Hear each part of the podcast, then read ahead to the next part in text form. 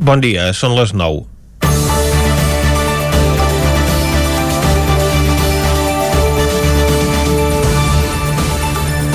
Espanya celebrava ahir el seu dia de la Constitució amb més soroll de sabres que mai. El mateix soroll que en va forçar la seva aprovació el 1978 amb desgavell electoral pel mig. Era això o tornar enrere? Per això l'estament militar se n'ha considerat el gran garant i ara en surt a defensar-la cridant a l'alçament. L'aprovació dels pressupostos generals a l'Estat amb el suport d'independentistes catalans i bascos va marcar ahir la celebració del 42è aniversari de la Constitució, malgrat el discurs conciliador i oberturista de la presidenta del Congrés. O potser precisament per això l'oposició es fa l'ofès i tanca files amb els militars. Diferents estaments de l'Estat encara no han pogut digerir que després de les eleccions ara fa 13 mesos es formés un govern progressista amb la presència de sectors més a l'esquerra de l'art parlamentari, com és el cas de Podemos, i en què les aliances per tirar endavant la governabilitat són variables. I a les Forces Armades sembla que això no agrada, desmantellant el vernís democràtic sota el que suposadament es van empaltar quan Narcís Serra exercia de ministre de Defensa després del cop d'estat del 23F. Ara, el mateix Ministeri ha remès a la Fiscalia de Madrid els missatges deixat de la 19a promoció de l'Acadèmia Militar de l'Aire en què parlaven de fusellar 26 milions de fills de puta, sense concretar si són tots o una part. Però vaja, que es quedarien en menys de la meitat de la població, un altre grup de 271 militars ha signat un manifest contra el govern de Pedro Sánchez i en què veuen en perill la unitat d'Espanya. El rei encara no ha obert boca sobre la carta que va rebre per part de 73 comandaments a l'exèrcit de terra en què l'alertaven del perill que suposa per la cohesió nacional aquest govern que titllen de socialcomunista recolzat per filoatarres i independentistes. En canvi, qui sí que ha fet un pas endavant és el seu pare, el rei emèrit. Per acabar de celebrar la diada, ahir es revelava que des del seu exili daurat s'ofereix a Hisenda per regularitzar la seva situació fiscal i així evitar una investigació sobre l'ús de targetes opaques a nom d'amics o fundacions que usava a tort i a dret per despeses personals. Us imagineu tot aquest seguit de delictes fiscals en mans d'alguna autoritat que també s'ha hagut de refugiar a l'estranger, com per exemple Carles Puigdemont, el qual titllen de fugat?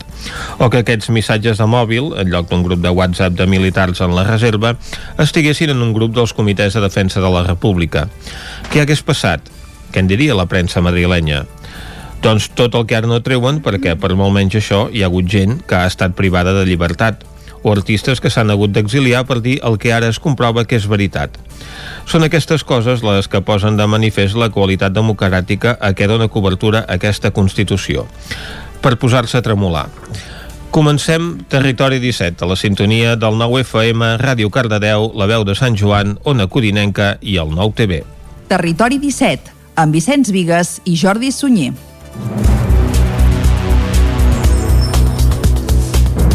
Són les 9 i 3 minuts i mig del dilluns, dia 7 de desembre de 2020, dilluns de pont, però que aquí a Territori 17, evidentment, som, com sempre, acostant-vos l'actualitat de les nostres comarques, les comarques del Ripollès, Osona, el Moianès i el Vallès Oriental. I com que és dilluns, avui, a part d'acostar-vos l'actualitat, el nostre programa tindrà un marcat caràcter esportiu, ja que farem un repàs als resultats que es van produir aquest cap de setmana pels equips del nostre territori i acabarem fent tertúlia esportiva parlant del cap de setmana de jornada de Lliga de Futbol. També, com que és dilluns, ens visitarà l'Arnau Jaumira amb alguna novetat discogràfica d'àmbit nacional. Tot això i molt més des d'ara mateix i fins a les 12 del migdia. I com sempre, el que fem és arrencar posant-nos al dia i fer un repàs a l'actualitat de les nostres comarques. Ja ho sabeu, les comarques del Ripollès, Osona, el Moianès i el Vallès Oriental.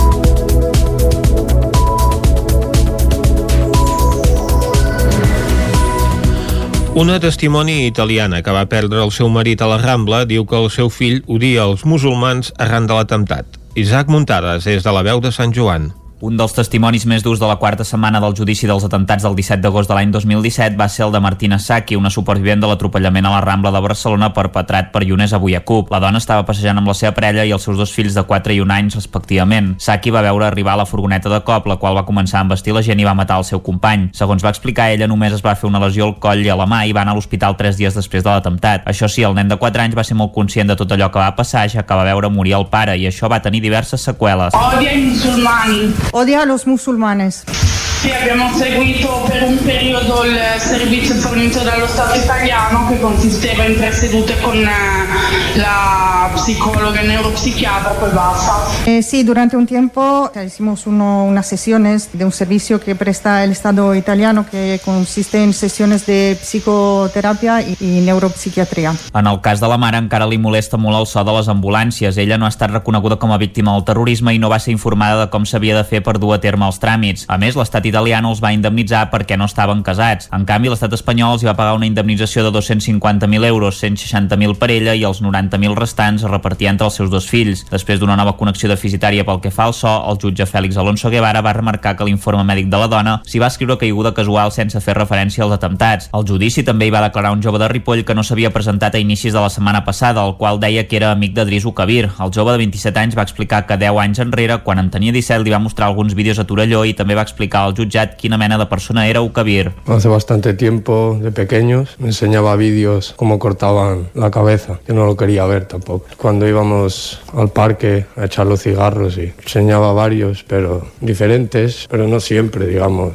sí, un par de veces o tres, sí, sí. O me decía, mira, mira el vídeo, pues yo no lo podía mirar, me echaba para atrás. Ah, es muy fuerte, esto es muy fuerte, tío. Se reía, decía las cosas y se echaba para atrás. Lo Animar. animar a hacer las cosas y sí, bueno, él se quedaba al margen y nosotros hacíamos cosas. El jove va explicar que només quedava amb Bucavir per anar a fumar i els mesos abans de l'atemptat ell li deia que no perquè estava molt liat. Això sí, va reconèixer que no era una persona religiosa. També va destacar que el testimoni, durant l'agost de l'any 2017, va ajudar l'imam de Ripoll, Abdelbaki Sati, a anar a buscar un sofà a Barcelona amb la furgoneta de l'imam. El jove recordava que no va dir res en tot el viatge ni va posar música. Un altre testimoni de Ripoll no es va presentar i la fiscalia va demanar que se'l detingués per fer-lo venir a declarar per la força. De la jornada també va destacar la declaració dels forenses de l'Institut de Medicina Legal de Catalunya i dels agents dels Mossos d'Esquadra que van fer els informes biològics dels indicis localitzats al domicili de l'imam al carrer Sant Pere de Ripoll. En el primer cas van acumular 15 quilos de restes humanes que creuen que pertanyen a dues persones. En el segon van comparar el perfil d'una orella trobada al canà amb els cabells curts recollits en una manta i una túnica del pis. L'orella dreta i l'esquerra van arribar a la conclusió que eren de la mateixa persona. També s'hi va trobar un pavelló auricular que es corresponia a una segona persona. En definitiva, un dels perfils es coincidia amb els de Mohamed i Said Alà i l'altre amb l'ADN analitzat dels cabells i la túnica localitzada a Ripoll, però no van determinar de qui era. El cribratge massiu a Mollà d'aquest divendres arriba als 537 testos d'antígens i només un d'ells dona positiu. Caral Campàs, des d'Ona Codinenca. El cribratge massiu que es va dur a terme aquest divendres al pavelló municipal de Mollà va comptar amb 537 tests realitzats i només un positiu segons dades confirmades des del consistori de la vila. Montse Ferrer, regidora de Salut, també apuntava que s'han millorat les expectatives que tenien inicialment perquè no comptaven sobrepassar els 500 tests. Durant tot el dia van a passant gent, majoritàriament persones d'edat avançada, per fer-se el test d'antígens, el qual donava el resultat esperat en 15 minuts. Sentim Jordi Velasco, doctor i cap adjunt de l'àrea bàsica de Mollà Castellterçol. Bueno, això és una incògnita perquè no es pot preveure, però en principi per a altres poblacions podíem arribar a uns 400, de 400, 600, no ho sabem també. S'està fent el TAR, que és el test d'antigen ràpid, que és, és, és el que s'està utilitzant ara, que això cal complicar una mica més a l'hora de fer-lo, però descongestiona molt els laboratoris i, i és el que estem fent en aquest moment. El temps no va acompanyar i les baixes temperatures van provocar que, sobretot al matí, no es generés una llarga cua de persones. L'actualització al migdia era de 270 testos realitzats. A la tarda la dinàmica va canviar i a partir de les 7 és quan hi va haver més aglomeració, arribant fins a una hora d'espera a l'exterior, fet que va provocar que no es permetés més gent. Tot i això, en general, la jornada es va desenvolupar amb fluidesa. Mireia Grau i Júlia San Juan són dues professores de Mollà que es van fer la prova. Bé, no me l'havia fet encara cap vegada i fa una mica d'angúnia, però bueno, però suportable, bueno. perquè comences a sentir coses de que si fa mal, que si no fa mal, però no, no, a mi no m'ha fet mal. No. La sensació aquesta, però no, ja està. Una mica molesta, però no res més. Sí. Se, se I llavors, suporta bé. Sí. Llavors, rem, 10 minutets o així, hem tingut ja el està. resultat, els han donat com un... Un test d'embaràs. Com, un, sí, com si fos un test d'embaràs, han posat allà, suposo que la mucosa, i res, en 10 minuts ja teníem. Nosaltres som negatives. Fa unes setmanes el Moianès va tenir de les xifres més dolentes pel que fa a contagis de Covid a la Bueno, zona. Fins i tot es va no arribar a situar però com la comarca entre les zones de més ràpida expansió de la pandèmia. Salut tornarà a fer cribatges massius a Vic amb testos d'antígens aquesta setmana, dimecres i dijous. Tindran lloc en carpes habilitades a fora dels dos centres d'atenció primària de la ciutat, igual que els que s'hi van fer la setmana passada, que van permetre detectar a 11 positius asimptomàtics entre les 975 persones que van acudir a sotmetre's a la prova. Aquest dimecres els tests es faran de 3 a 7 de la tarda i dijous de les 10 del matí a les 2 del migdia. Dijous i divendres també ha programat un cribratge massiu a Torelló. Els cribratges fets la setmana passada en dos municipis usonencs més, Manlleu i Roda, el percentatge de positius no va arribar a l'1%. A Roda dijous s'hi van fer 365 proves amb dos positius per coronavirus. A Manlleu, entre dijous i divendres, es van realitzar 398 testos i es van detectar 4 positius. I augmenta el brot de Covid-19 a la residència Sant Gabriel de Centelles, que la setmana passada va provocar la mort d'una persona. L'Ajuntament de Centelles i la residència Sant Gabriel han informat que de les PCR realitzades dijous n'han sortit 11 positius més, dels quals 8 són persones residents i 3 professionals. Això fa que en total hi hagi 24 persones amb Covid-19. D'aquestes persones, una va morir el passat 30 de novembre. La resta evolucionen bé i estan estables. Aquesta setmana es continuaran fent testos preventius. En un comunicat conjunt, el consistori i la residència agraeixen el suport rebut des del CAP i la implicació i col·laboració tant dels professionals com de les famílies dels residents. Un veí de Manlleu mor atropellat a la carretera B522. L'accident es va produir a dos quarts de set del matí de diumenge al punt quilomètric 5,8 de la B522, la carretera entre Vic i Manlleu en terme municipal de Gurb. Les causes del sinistre que va tenir lloc en direcció Manlleu s'estan investigant. El conductor del turisme, que va resultar il·lès, no va poder evitar l'impacte amb el vianant un home de 36 anys, veí de Manlleu. Al lloc de l'accident hi van acudir tres patrulles dels Mossos d'Esquadra i quatre unitats del sistema d'emergències mèdiques. Amb aquesta ja són 99 les persones que han mort d'accident de trànsit aquest 2020 a la xarxa interurbana de Catalunya. El 3 de desembre, el Dia Internacional de les Persones amb Discapacitat, serveix al col·lectiu per visibilitzar-se i reivindicar-se. Laia Isus, de Vic, amb discapacitat visual, és un exemple d'aquesta reivindicació. Va estudiar traducció, va fer un Erasmus i ara fa pràctiques per ser docent. Amb 6 anys, la bigatana Laia Isus, a causa d'una malaltia, va perdre la visió. En un moment en el qual tot just estava aprenent a llegir i a escriure, va haver d'afrontar un contratemps que li ha canviat la vida. La discapacitat, però, no li ha impedit assolir els seus objectius. El proper repte és ser professora. Jo crec que avui en dia els alumnes, pues, el fet de tenir la tecnologia, pues, a, a mi també em beneficia molt, no? perquè eh, si, per exemple, les, totes les aules estan equipades amb projector, pues, realment pots portar el portàtil, pots projectar el que tu tens preparat, molt més fàcil de corregir, els hi pots dir que t'ho enviïn, pots fer servir moltes eines pues, de tecnologia d'aquesta d'internet, La Laia fa pràctiques per ser docent al Col·legi Sant Miquel de Vic. Miquel Padilla, coordinador de les pràctiques, explica que els alumnes l'han rebut molt bé i que per ells tenir-la de professora suposa un aprenentatge, que la seva discapacitat visual no ha de ser una barrera. Els alumnes l'han rebut molt bé i, i, i per nosaltres també també se serveix perquè els alumnes es posin en, en, en el seu lloc, no? Eh, el, diguem, el desconeixement, la ignorància fa que hi hagi prejudicis i d'aquesta manera veuen que doncs una, una persona amb una certa discapacitat també pot tenir la competència per ser, per ser professor. Les pràctiques que fa la Laia són en relació amb el màster de formació al professorat de la Universitat de Vic, des d'on treballen per facilitar els estudis a persones amb qualsevol classe de discapacitat. Òmnium del Vallès Oriental celebra una edició confinada dels Premis Eugeni Xamar dins la seva Festa de les Lletres Catalanes. David Auladell, de Ràdio Televisió, Cardedeu. L'acte d'entrega dels premis va tenir una part virtual amb alguns dels premiats, ja que amb les limitacions de la pandèmia no tenien facilitats per al desplaçament, i l'altra part va ser presencial amb alguns dels premiats.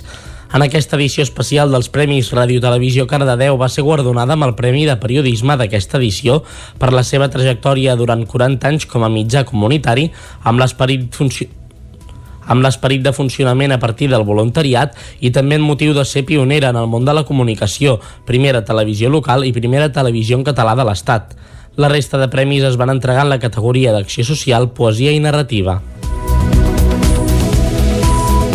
I fins aquí el butlletí informatiu que us hem ofert amb les veus de Vicenç Vigues, Clàudia Dinarès, David Auladell, Caral Campàs i Isaac Muntades. Ara el que toca, com fem sempre arribats a aquest punt, és fer un cop d'ull a la situació meteorològica.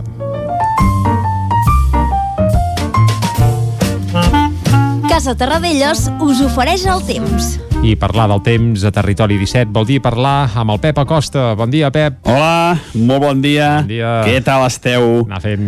Estem just al mig d'aquest pont de desembre. Sí.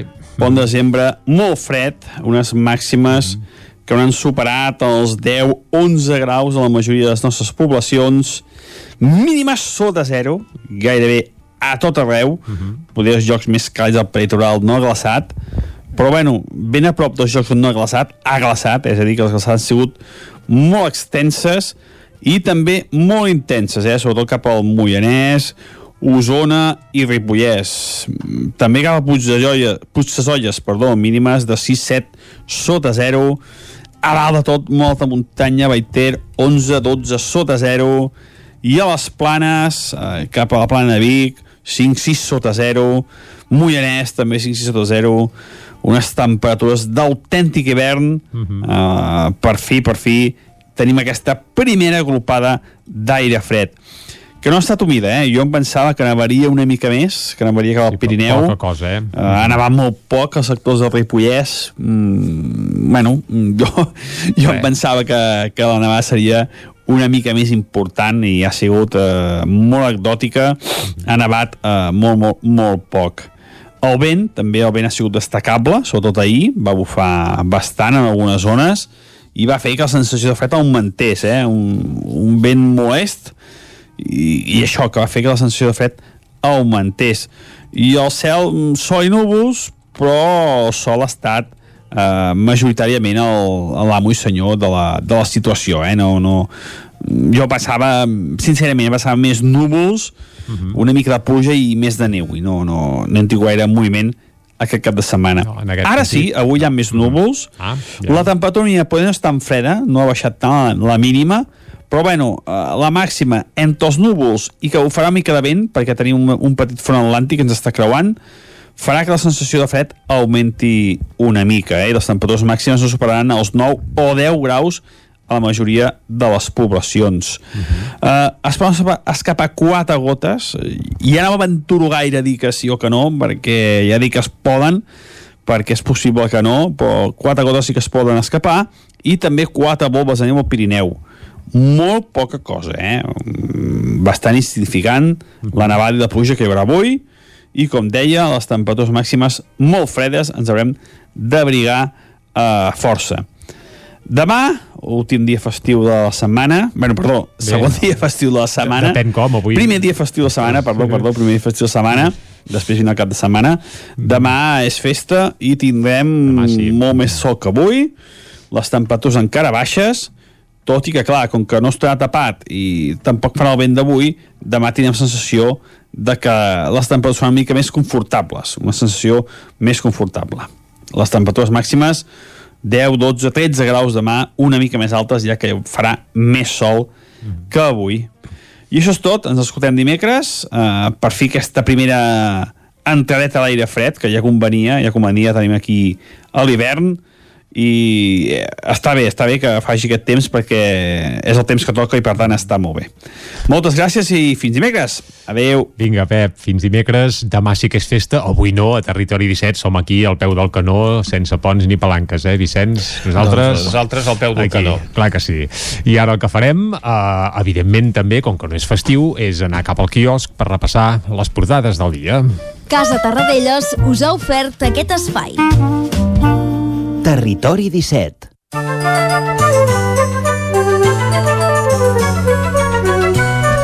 Anem cap al quiosc amb aquest fred que fa i que tant agrada en Pep Acosta per veure què treuen en portada els diaris d'avui i comencem, Clàudia, amb el 9-9. Bon dia de nou, si comencem a Exactament amb l'edició d'Osona i el Ripollès que diu preocupació el Ripollès per la incertesa en l'inici de la temporada d'esquí. L'obertura de les estacions de Núria i Vallter encara sense data té una important, un important impacte en l'economia de la comarca. Les últimes dades indiquen que la velocitat de transmissió de la Covid-19 continua creixent al Ripollès i ara també ho fa la comarca d'Osona. A la imatge Manlleu posa en marxa la pista de gel, com dèiem a primera hora, un veí de Manlleu de 36 anys mor atropellat a la carretera de Vic, el Girbau Vic TT eliminat a la fase de grups de la Champions i encara en esports el Voltregà goleja 6 a 0 el poderós Reus a l'Hockey Lliga. Anem a l'edició del Vallès Oriental que diu un nou radar mòbil permet a la policia de Granollers fer controls de velocitat a qualsevol punt. Els agents vigilaran l'Avinguda Sant Julià i el carrer Marconi amb el nou aparell. A la imatge Nadal, malgrat tot plegat, la tradició passebrista del Vallès Oriental s'ha vist marcada per la pandèmia, però els pessebres de Parets, la Garriga o Granollers procuren superar les dificultats. Un últim titular, cribratge per detectar positius asimptomàtics a Bella Vista i als barris del nord de Granollers. Anem ara a veure què treuen en portada els diaris catalans. Comencem, com sempre, amb el punt avui, que avui entrevista Lluís Puig, exconseller de Cultura, exiliat a Bèlgica, que diu la nostra lluita jurídica és una eina per la lluita política. Diu que se sent fort de cara a la vista clau de dijous, tot i que diu que si hi ha un indult a nosaltres no ens arribarà. A la imatge llum, sota el pont de l'autopista, l'Art Urbà transforma un espai degradat sota la C31 entre Sant Adrià i Badalona. Més de 50 artistes locals i internacionals han pintat un bosc de 200 columnes. En política esquerra encén la precampanya trencant també amb demòcrates i la velocitat de contagi frega l'1 i fa perillar el pla de reobertura. Anem al diari ara que diu Joan Carles I maniobra per evitar la investigació de les targetes opaques. El rei emèrit fa una proposta de regulació fiscal davant d'Hisenda que no inclou els fons a l'estranger. Tornarem a parlar eh, del rei. Uh, de moment ens quedem amb la imatge de l'ara que diu què fem amb el Delta. L'isma del Trabucador es torna a inundar un any després del pas del temporal Glòria i reobre el debat sobre quina és la millor manera de protegir aquest espai natural. També entrevisten a Manel Cervantes, cap de malalties infeccioses del Parc Taulí, que diu la supervivència al Covid-19 s'ha duplicat en totes les franges d'edat. Com veiem fa un moment, Esquerra trenca amb els demòcrates de Castellà. Anem avançant, anem al periòdico que diu l'economia i la Covid primaran sobre el procés a l'hora de votar. Esquerra es manté en la primera posició i el PSC segueix a l'alça i es queda a tres diputats de Junts per Catalunya. Els catalans prefereixen una generalitat amb un executiu format per partits d'esquerra. A la imatge Pont d'estar per casa. Molts barcelonins van suportar ahir les restriccions derivades de la Covid amb passejades per la ciutat. La retallada Fira de Santa Llúcia, que veiem a la imatge, va reviure a petita escala anys passats. I aquí tornem a veure el rei, diu els comptes de Joan Carles I amb Hisenda marquen el dia de la Constitució. A l'avantguàrdia, govern central i oposició s'acusen de voler vulnerar la Constitució.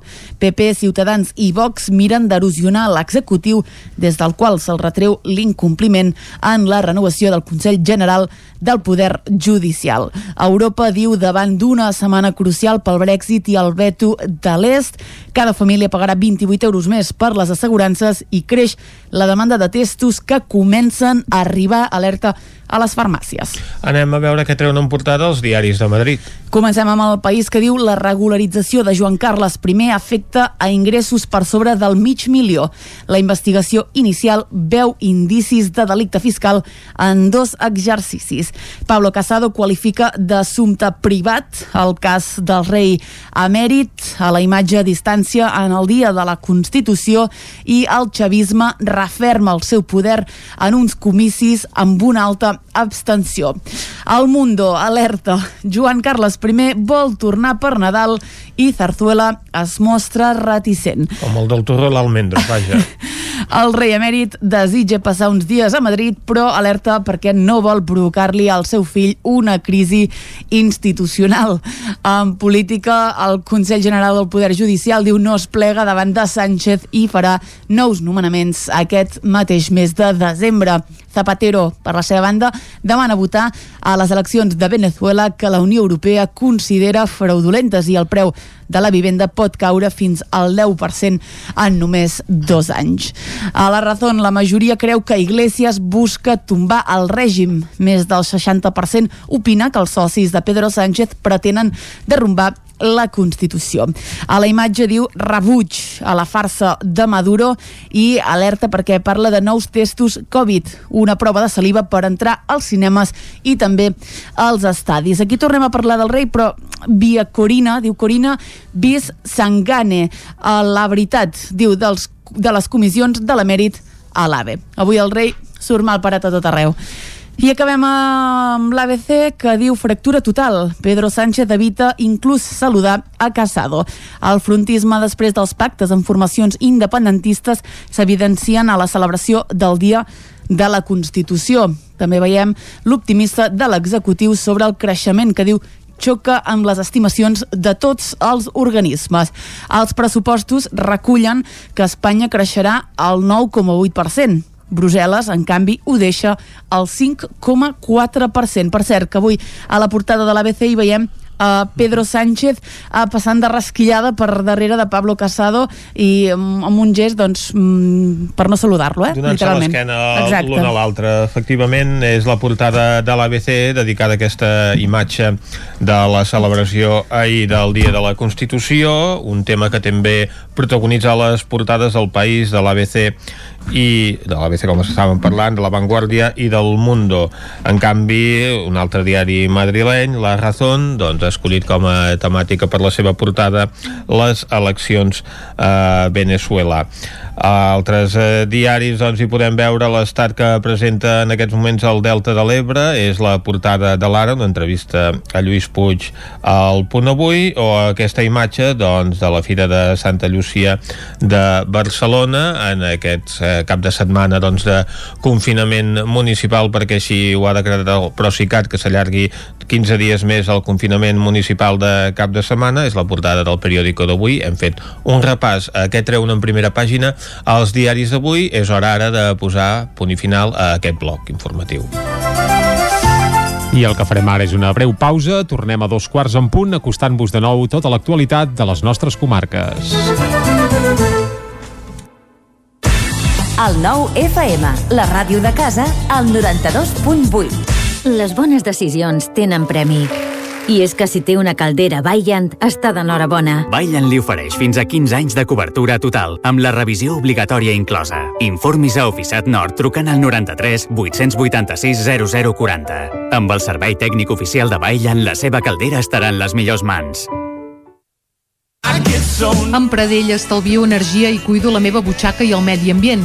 Posa't en mans de Pradell. Són experts en calderes de gas i condensació, estufes de pèl·let, energia solar, terres radiants, geotèrmia i aerotèrmia.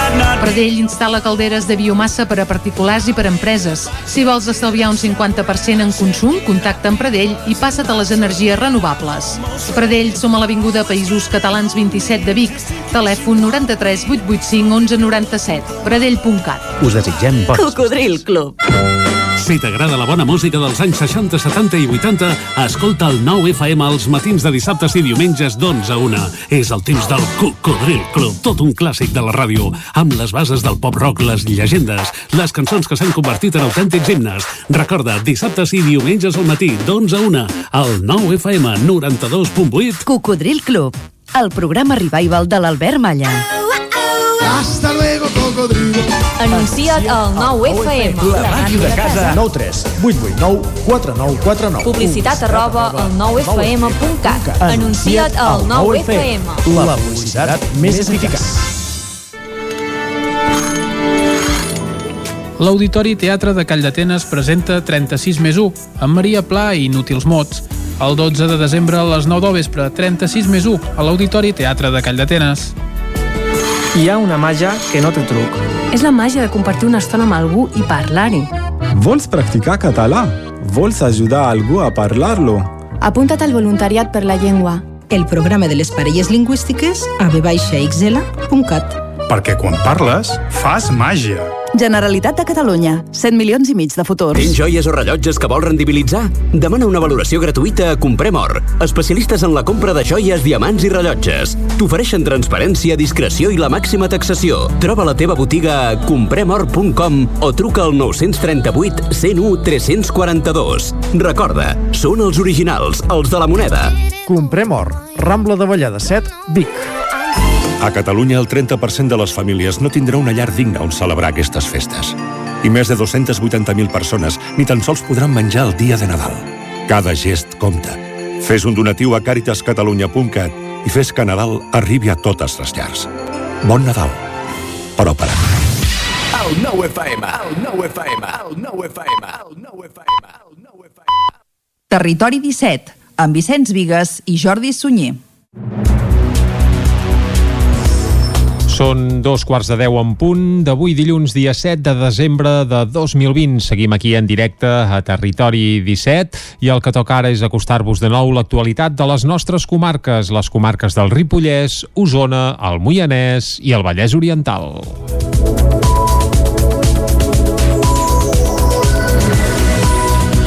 Una testimoni italiana que va perdre el seu marit a la Rambla diu que el seu fill odia els musulmans arran de l'atemptat. Isaac Muntades és de la veu de Sant Joan. Un dels testimonis més durs de la quarta setmana del judici dels atentats del 17 d'agost de l'any 2017 va ser el de Martina Saki, una supervivent de l'atropellament a la Rambla de Barcelona perpetrat per Younes Abuyacup. La dona estava passejant amb la seva parella i els seus dos fills de 4 i 1 anys, respectivament. Saki va veure arribar la furgoneta de cop, la qual va començar a embestir la gent i va matar el seu company. Segons va explicar, ella només es va fer una lesió al coll i a la mà i va anar a l'hospital 3 dies després de l'atemptat. Això sí, el nen de 4 anys va ser molt conscient de tot allò que va passar, ja que va veure morir el pare i això va tenir diverses seqüeles. Odia. Odia a los musulmanes.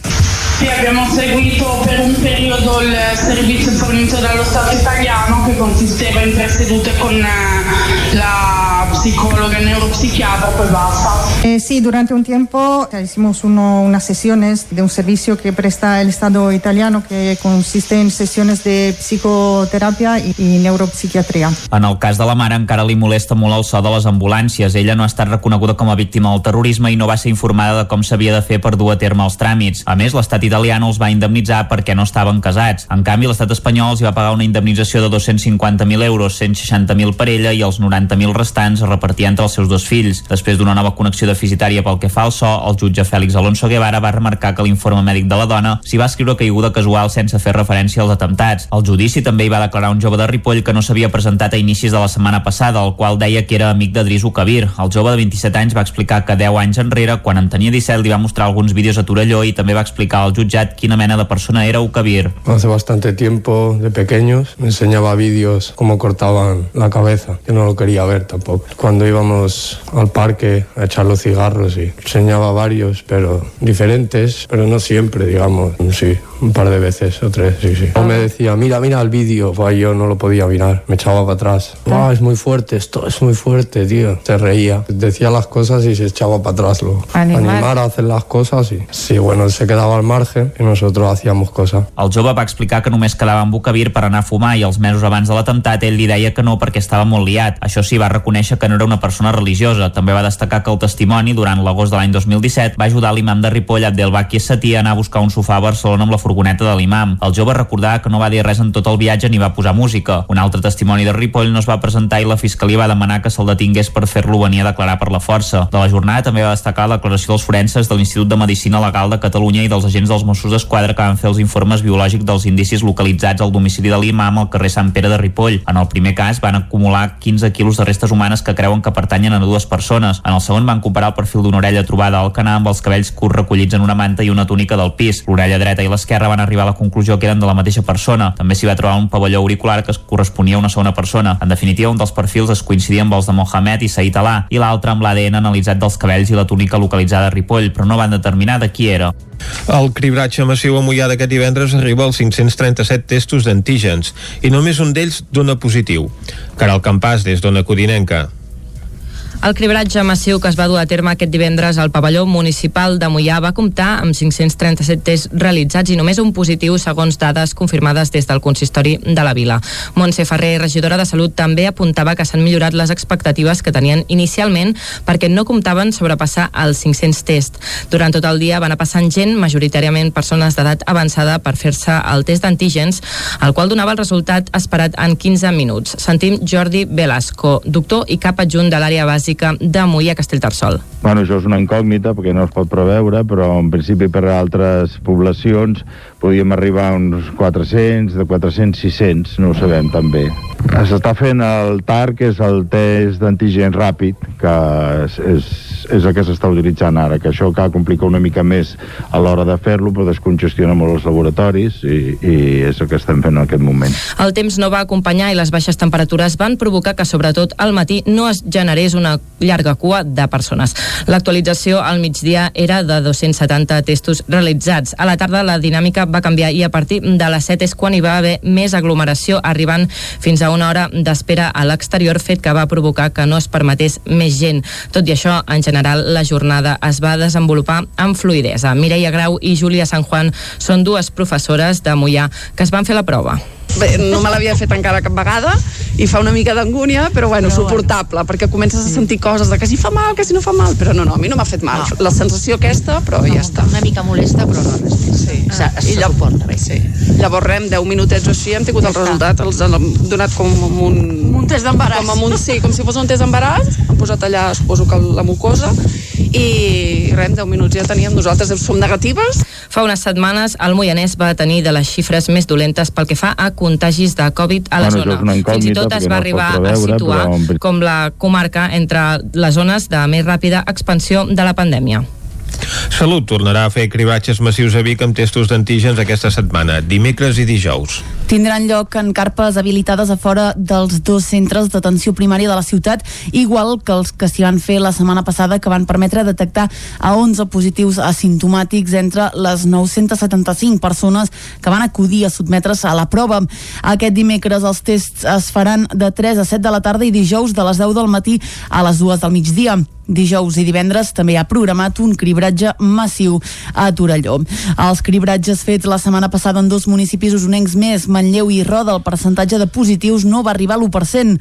A Roda dijous s'hi van fer 365 proves amb dos positius per coronavirus. A Manlleu, entre dijous i divendres, es van realitzar 398 testos i es van detectar 4 positius. I augmenta el brot de Covid-19 a la residència Sant Gabriel de Centelles, que la setmana passada va provocar la mort d'una persona. L'Ajuntament de Centelles i la residència Sant Gabriel han informat que de les PCR realitzades dijous n'han sortit 11 positius més, dels quals 8 són persones residents i 3 professionals. Això fa que en total hi hagi 24 persones amb Covid-19.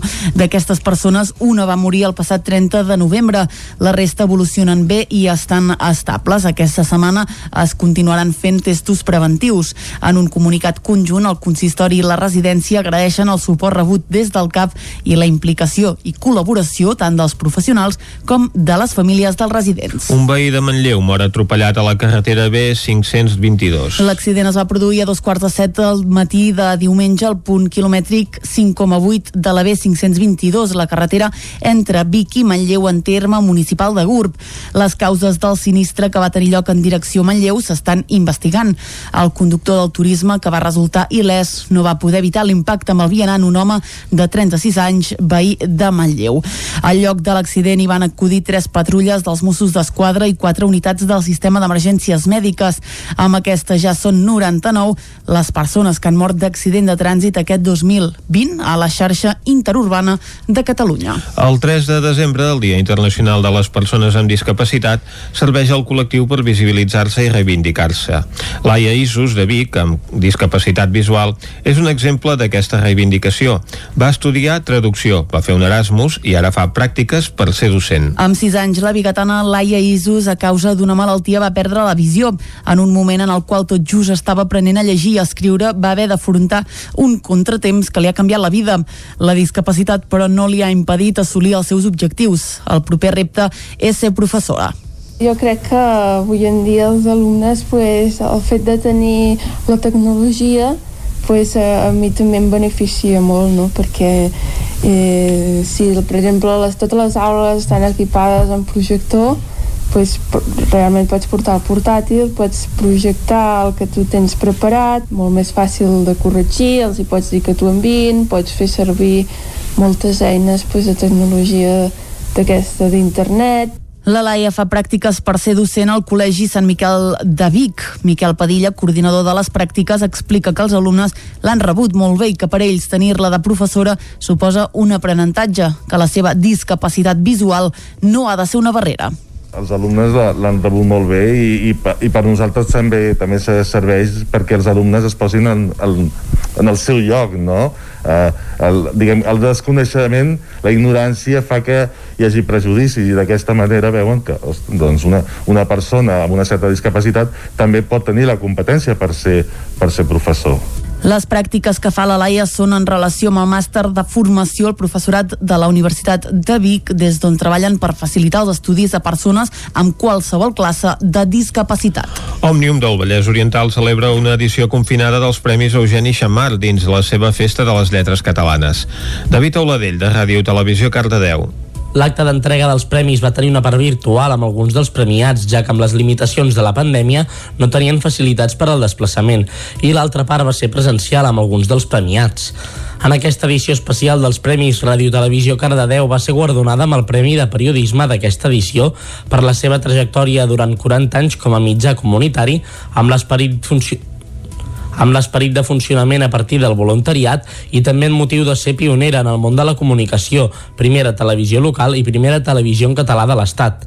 La resta de premis es van entregar en la categoria d'acció social, poesia i narrativa. I fins aquí el butlletí informatiu que us hem ofert amb les veus de Vicenç Vigues, Clàudia Dinarès, David Auladell, Caral Campàs i Isaac Muntades. Ara el que toca, com fem sempre arribats a aquest punt, és fer un cop d'ull a la situació meteorològica.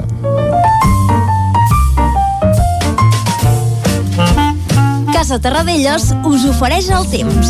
I parlar del temps a Territori 17 vol dir parlar amb el Pep Acosta. Bon dia, Pep. Hola, molt bon dia. Bon dia. Què tal esteu? Anar fent... Estem just al mig d'aquest pont de desembre. Sí. Pont de desembre molt fred, unes màximes mm. que no han superat els 10-11 graus a la majoria de les nostres poblacions. Mínimes sota zero, gairebé a tot arreu. Mm -hmm. Poder els jocs més càlids del peritoral no glaçat però bueno, ben a prop dels jocs on no ha glaçat, ha glaçat, és a dir, que les glaçades han sigut molt extenses i també molt intenses, eh? sobretot cap al Moianès, Osona i Ripollès. També cap a Puig de Joia, Puig de Zolles, perdó, mínimes de 6-7 sota 0. A dalt de tot, molta muntanya, Baiter, 11-12 sota 0. I a les planes, eh, cap a la plana de Vic, 5-6 sota 0. Moianès, també 5-6 sota 0 unes temperatures d'autèntic hivern uh -huh. uh, per fi, per fi tenim aquesta primera agrupada d'aire fred que no ha estat humida, eh? Jo em pensava que nevaria una mica més, que nevaria cap al sí, Pirineu. Poca cosa, eh? Uh, ha nevat molt poc als sectors del Ripollès. Mm, bueno, jo, jo em pensava que, que la nevada seria una mica més important i ha sigut uh, molt anecdòtica. Ha nevat uh, molt, molt, molt poc. El vent, també el vent ha sigut destacable, sobretot ahir, va bufar bastant en algunes zones i va fer que la sensació de fred augmentés, eh? un, un vent molest i, i això, que va fer que la sensació de fred augmentés. I el cel, mm, sol i núvols, però el sol ha estat eh, majoritàriament l'amo i senyor de la, de la situació, eh? no, no, jo passava, sincerament, passava més núvols, uh mhm. -huh. una mica de pluja i més de neu, i no, no, no hem tingut gaire moviment aquest cap de setmana. No, Ara sentit. sí, avui hi ha més núvols, ah, ja. la temperatura no és tan freda, no ha baixat tant la, la mínima, però bueno, eh, la màxima entre els núvols i que ho farà mica de vent, perquè tenim un, un petit front atlàntic que ens està creuant, farà que la sensació de fred augmenti una mica, eh? les temperatures màximes no superaran els 9 o 10 graus a la majoria de les poblacions. Uh -huh. uh, es poden escapar quatre gotes, i ja no m'aventuro gaire a dir que sí o que no, perquè ja dic que es poden, perquè és possible que no, però quatre gotes sí que es poden escapar, i també quatre bombes de neu al Pirineu. Molt poca cosa, eh? Bastant insignificant la nevada i la pluja que hi haurà avui, i com deia, les temperatures màximes molt fredes ens haurem d'abrigar eh, força. Demà, últim dia festiu de la setmana, bueno, perdó, Bé. segon dia festiu de la setmana. Depèn com, avui. Primer dia festiu de la setmana, perdó, perdó, primer dia festiu de la setmana, després vine el cap de setmana. Demà és festa i tindrem sí. molt més sol que avui, les temperatures encara baixes, tot i que, clar, com que no estarà tapat i tampoc farà el vent d'avui, demà tindrem sensació de que les temperatures són una mica més confortables, una sensació més confortable. Les temperatures màximes 10, 12, 13 graus demà, una mica més altes, ja que farà més sol que avui. I això és tot, ens escoltem dimecres, eh, per fi aquesta primera entradeta a l'aire fred, que ja convenia, ja convenia, tenim aquí a l'hivern, i eh, està bé, està bé que faci aquest temps perquè és el temps que toca i per tant està molt bé. Moltes gràcies i fins dimecres. Adeu. Vinga, Pep, fins dimecres. Demà sí que és festa, avui no, a Territori 17 som aquí al peu del canó, sense ponts ni palanques, eh, Vicenç? Nosaltres... Doncs nosaltres al peu del aquí, canó. Clar que sí. I ara el que farem, eh, evidentment també, com que no és festiu, és anar cap al quiosc per repassar les portades del dia. Casa Tarradellas us ha ofert aquest espai. Territori 17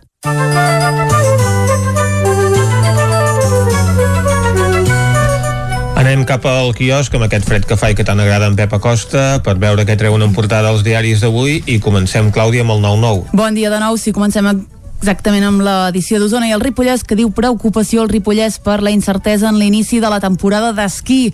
L'obertura de les estacions de Núria i Vallter encara sense data té una important, un important impacte en l'economia de la comarca. Les últimes dades indiquen que la velocitat de transmissió de la Covid-19 continua creixent al Ripollès i ara també ho fa la comarca d'Osona. A la imatge, Manlleu posa en marxa la pista de gel, com dèiem a primera hora, un veí de Manlleu de 36 anys mor atropellat a la carretera de Vic, el Girbau Vic TT eliminat a la fase de grups de la Champions i encara en esports el Voltregà goleja 6 a 0 al poderós Reus a l'Hockey Lliga. Anem a l'edició del Vallès Oriental que diu un nou radar mòbil permet a la policia de Granollers fer controls de velocitat a qualsevol punt.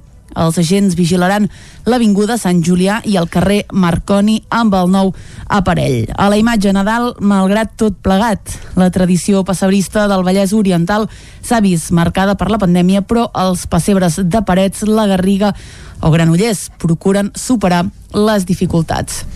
Un últim titular, cribratge per detectar positius asimptomàtics a Bella Vista i als barris del nord de Granollers. Anem ara a veure què treuen en portada els diaris catalans. Comencem, com sempre, amb el punt avui, que avui entrevista Lluís Puig, exconseller de Cultura, exiliat a Bèlgica, que diu la nostra lluita jurídica és una eina per la lluita política. Diu que se sent fort de cara a la vista clau de dijous, tot i que diu que si hi ha un indult a nosaltres no ens arribarà. A la imatge llum, sota el pont de l'autopista, l'Art Urbà transforma un espai degradat sota la C31 entre Sant Adrià i Badalona. Més de 50 artistes locals i internacionals han pintat un bosc de 200 columnes. En política esquerra encén la precampanya trencant també amb demòcrates i la velocitat de contagi frega l'1 i fa perillar el pla de reobertura. Anem al diari ara que diu Joan Carles I maniobra per evitar la investigació de les targetes opaques. El rei emèrit fa una proposta de regulació fiscal davant d'Hisenda que no inclou els fons a l'estranger. Tornarem a parlar eh, del rei. Uh, de moment ens quedem amb la imatge de l'ara que diu què fem amb el Delta. L'isma del Trabucador es torna a inundar un any després del pas del temporal Glòria i reobre el debat sobre quina és la millor manera de protegir aquest espai natural. També entrevisten a Manel Cervantes, cap de malalties infeccioses del Parc Taulí, que diu la supervivència al Covid-19 s'ha duplicat en totes les franges d'edat. Com veiem fa un moment, Esquerra trenca amb els demòcrates de Castellà. Anem avançant, anem al periòdico que diu l'economia i la Covid primaran sobre el procés a l'hora de votar. Esquerra es manté en la primera posició i el PSC segueix a l'alça i es queda a tres diputats de Junts per Catalunya. Els catalans prefereixen una Generalitat amb un executiu format per partits d'esquerra. A la imatge Pont d'estar per casa. Molts barcelonins van suportar ahir les restriccions derivades de la Covid amb passejades per la ciutat. La retallada fira de Santa Llúcia, que veiem a la imatge, va reviure a petita escala anys passats. I aquí tornem a veure el rei, diu els comtes de Joan Carles I a Misenda marquen el dia de la Constitució. A l'avantguàrdia, govern central i oposició s'acusen de voler vulnerar la Constitució. PP, Ciutadans i Vox miren d'erosionar l'executiu des del qual se'l retreu l'incompliment en la renovació del Consell General del Poder Judicial. Europa diu davant d'una setmana crucial pel Brexit i el veto de l'Est, cada família pagarà 28 euros més per les assegurances i creix la demanda de testos que comencen a arribar alerta a les farmàcies. Anem a veure què treuen en portada els diaris de Madrid. Comencem amb el país que diu la regularització de Joan Carles I afecta a ingressos per sobre del mig milió. La investigació inicial veu indicis de delicte fiscal en dos exercicis. Pablo Casado qualifica d'assumpte privat el cas del rei emèrit a la imatge a distància en el dia de la Constitució i el xavisme referma el seu poder en uns comicis amb una alta abstenció. El Mundo alerta. Joan Carles I vol tornar per Nadal i Zarzuela es mostra reticent. Com el del Torró l'Almendra, vaja. el rei emèrit desitja passar uns dies a Madrid, però alerta perquè no vol provocar-li al seu fill una crisi institucional. En política, el Consell General del Poder Judicial diu no es plega davant de Sánchez i farà nous nomenaments aquest mateix mes de desembre. Zapatero, per la seva banda, demana votar a les eleccions de Venezuela que la Unió Europea considera fraudulentes i el preu de la vivenda pot caure fins al 10% en només dos anys. A la raó, la majoria creu que Iglesias busca tombar el règim. Més del 60% opina que els socis de Pedro Sánchez pretenen derrumbar la Constitució. A la imatge diu rebuig a la farsa de Maduro i alerta perquè parla de nous testos Covid, una prova de saliva per entrar als cinemes i també als estadis. Aquí tornem a parlar del rei, però via Corina, diu Corina, vis Sangane. A la veritat, diu, dels, de les comissions de l'emèrit a l'AVE. Avui el rei surt mal parat a tot arreu. I acabem amb l'ABC que diu fractura total. Pedro Sánchez evita inclús saludar a Casado. El frontisme després dels pactes amb formacions independentistes s'evidencien a la celebració del dia de la Constitució. També veiem l'optimista de l'executiu sobre el creixement que diu xoca amb les estimacions de tots els organismes. Els pressupostos recullen que Espanya creixerà al 9,8%. Brussel·les, en canvi, ho deixa al 5,4%. Per cert, que avui a la portada de l'ABC hi veiem uh, Pedro Sánchez uh, passant de rasquillada per darrere de Pablo Casado i um, amb un gest doncs, um, per no saludar-lo, eh? Donant-se l'esquena l'un a l'altre. Efectivament, és la portada de l'ABC dedicada a aquesta imatge de la celebració ahir del Dia de la Constitució, un tema que també protagonitza les portades del País, de l'ABC i de l'ABC com estàvem parlant, de La Vanguardia i del Mundo. En canvi, un altre diari madrileny, La Razón, doncs ha escollit com a temàtica per la seva portada les eleccions a Venezuela. A altres eh, diaris doncs hi podem veure l'estat que presenta en aquests moments el Delta de l'Ebre, és la portada de l'Ara, una entrevista a Lluís Puig al Punt Avui, o aquesta imatge doncs, de la Fira de Santa Llucia de Barcelona en aquest eh, cap de setmana doncs, de confinament municipal perquè així ho ha decretat el Procicat que s'allargui 15 dies més el confinament Municipal de cap de setmana, és la portada del periòdico d'avui. Hem fet un repàs a què treuen en primera pàgina als diaris d'avui. És hora ara de posar punt i final a aquest bloc informatiu. Doncs punt i final al bloc informatiu i obrim, Vicenç, el bloc musical, com Va. sempre fem aquí a Territori 17, uns minuts abans d'arribar a les 10, i avui anem d'estrenes mundials, eh? aquelles que portem de tant en tant. Les estrenes uh, mundials no fan pont en aquest programa. No, al contrari, al contrari. Uh, precisament, bé, hi ha dos moments estel·lars eh, en l'àmbit nacional per tema de llançaments discogràfics. Un són mm. les portes de Nadal, acostuma a passar, i l'altre és pels vols de Sant Jordi. Uh -huh. Tot i que això, com que el mercat discogràfic cada cop vaja, hi ha menys mercat i menys discos, sobretot a les botigues, perquè avui dia tot és molt relatiu, potser s'està... se'n va un pèl pel pedregat, tot plegat, però de moment encara continua, continua aquesta pràctica, mm -hmm. i, per exemple, aquest cap de setmana s'ha donat a conèixer, eh, però vaja, lligat amb això que dèiem dels nous temps, ara molta gent ja no treu LPs en el sentit de llargues durades, sinó que treuen EPs, això que s'ha posat molt de moda, eh, allò singles. Doncs, per exemple, és el cas del debut en solitari del Dan Peralbo, qui és el Dan Peralbo? Doncs resulta que és un jove xicot pescallunes, pescallunes vol dir de Torelló, pels no iniciats, que havia liderat una formació que es deia Els Flipats, que com els flipats van treure un parell de discos, era un grup molt curiós perquè era una banda de pop-rock formada per nanos de 15 i 16 anys. El primer disc el van treure, crec que amb una mitjana d'edat de 16 anys, el segon ja alguns ja en tenien 18, i després diguem que es van desintegrar. Vaja. Desintegrar vol dir que van plegar veles, eh? Uh. -huh. Tots estan vius i actius, alguns amb altres projectes. El Dan Peralbo el que va fer és anar-se'n a Londres a viure uh. -huh. directament, allò vull aprendre, vull fer no sé què, vull d'allò, i ara ha tornat, uh, torna ara viu a Barcelona, tot i que evidentment continua vinculat amb Torelló, i eh, s'ha estrenat en solitari. El cuc de la música, diguem que no, no l'ha deixat, i ha tret un primer EP on es presenta com a Dan Peralbo, així a seques, amb mhm. el nom del seu projecte és el seu nom, ras i curt. El títol del disc es diu Cosquis Mai, no sé què s'hi amaga aquí al darrere, però vaja, es titula així, i hi han peces com No tens por a la mort, que escoltarem ara mateix, i després encara en posarem una altra. Ara escoltem la primera de les peces que hi ha en aquest EP, que es diu No tens por a la mort.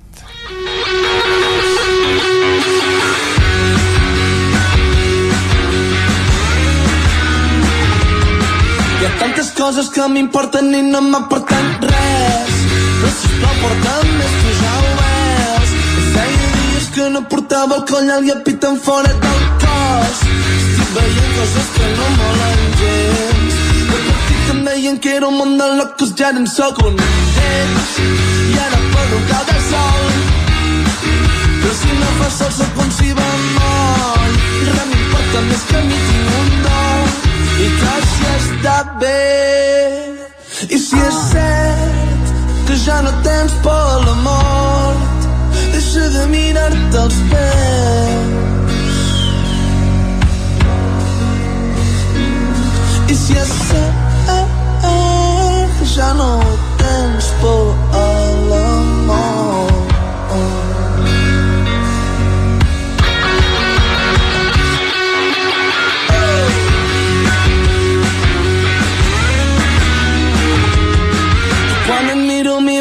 igual que quan miro al cel.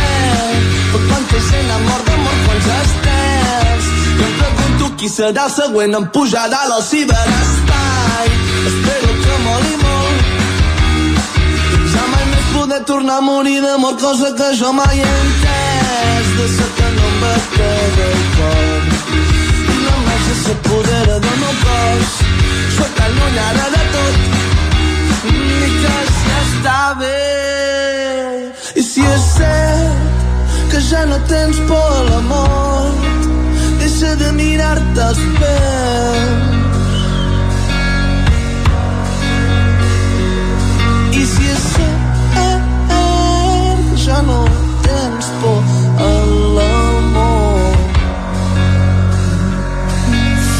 Doncs el Dan Peralbo, que no té por a la mort, eh, en aquest eh, tema cobra el Cosquis Mai, el seu primer EP en solitari. Eh, té un to, eh, així anglosaxó, eh, que sí. Molt.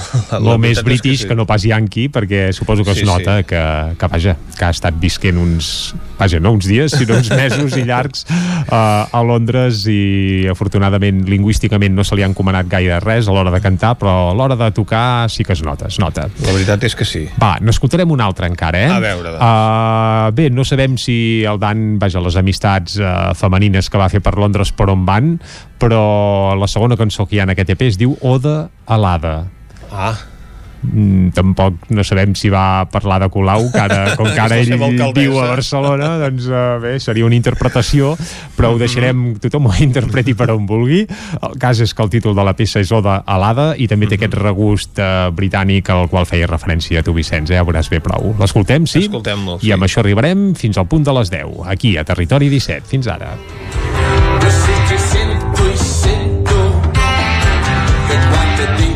Jo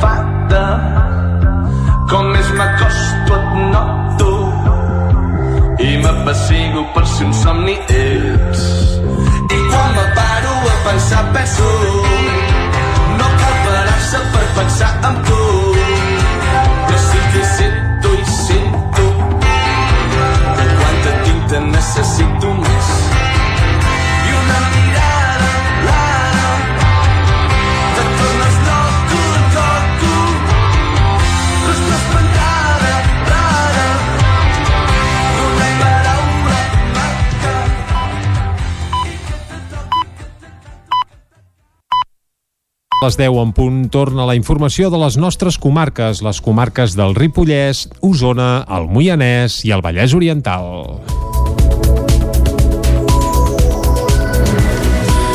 Caldes comptarà amb un nou tanatori per suplir l'actual que s'ha quedat petit. Hi haurà un concurs d'idees entre arquitectes calderins per escollir el que finalment s'executarà. Caral Campàs, des d'Ona Codinenca. La Fundació Santa Susana ha fet públic el projecte de construcció del que serà un nou tanatori que haurà de donar servei a la ciutadania calderina. L'actual tanatori i les sales de vetlla s'han quedat petites per una població de més de 17.000 habitants. Per això l'objectiu de la nova construcció és millorar la qualitat del servei oferint un espai ampli i funcional que permeti el desenvolupament dels actes solemnes amb més comoditat. El disseny i el projecte constructiu del nou tanatori s'escolliran a través d'un concurs enfocat als professionals de Caldes. En parlava en aquest sentit l'alcalde Isidre Pineda amb el qual ja hem contactat amb tots els arquitectes calderins eh, fent-nos la proposta de que concursin i explicant-nos eh, quin serà el procés que seguirem a partir d'ara.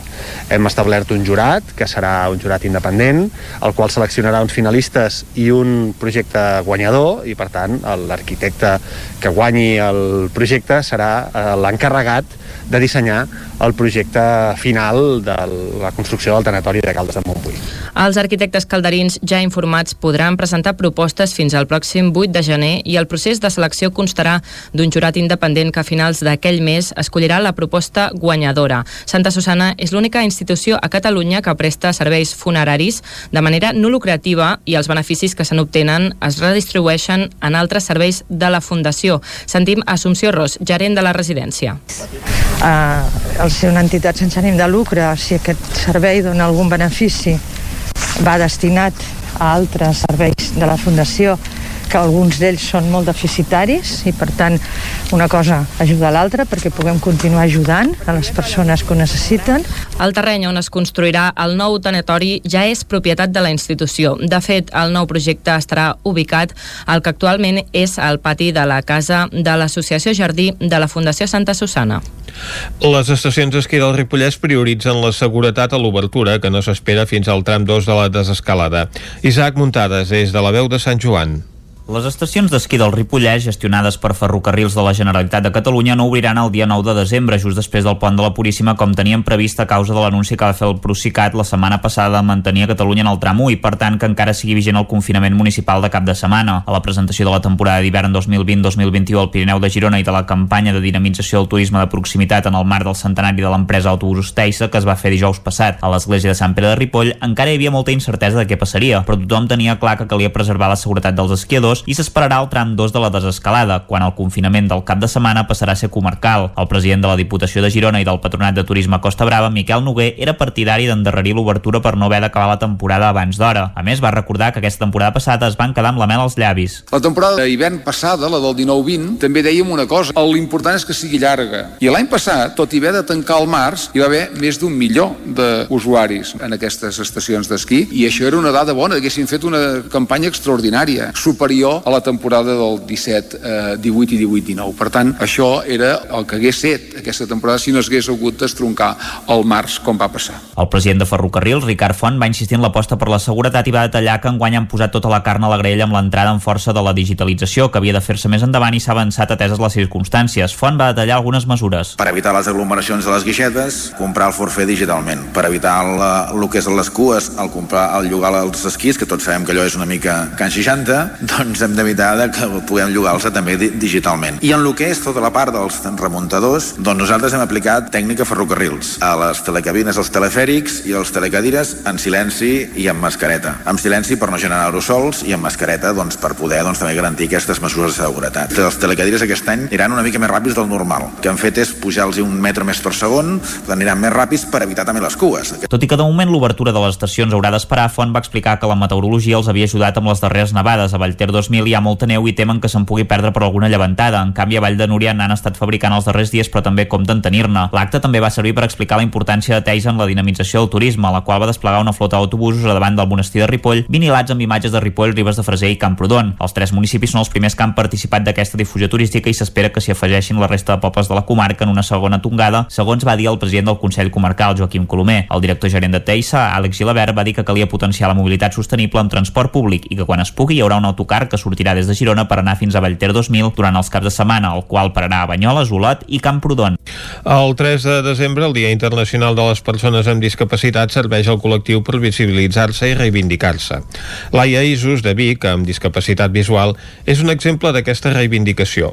Va estudiar traducció, va fer un Erasmus i ara fa pràctiques per ser docent. Amb 6 anys, la bigatana Laia Isus, a causa d'una malaltia, va perdre la visió. En un moment en el qual tot just estava aprenent a llegir i a escriure, va haver d'afrontar un contratemps que li ha canviat la vida.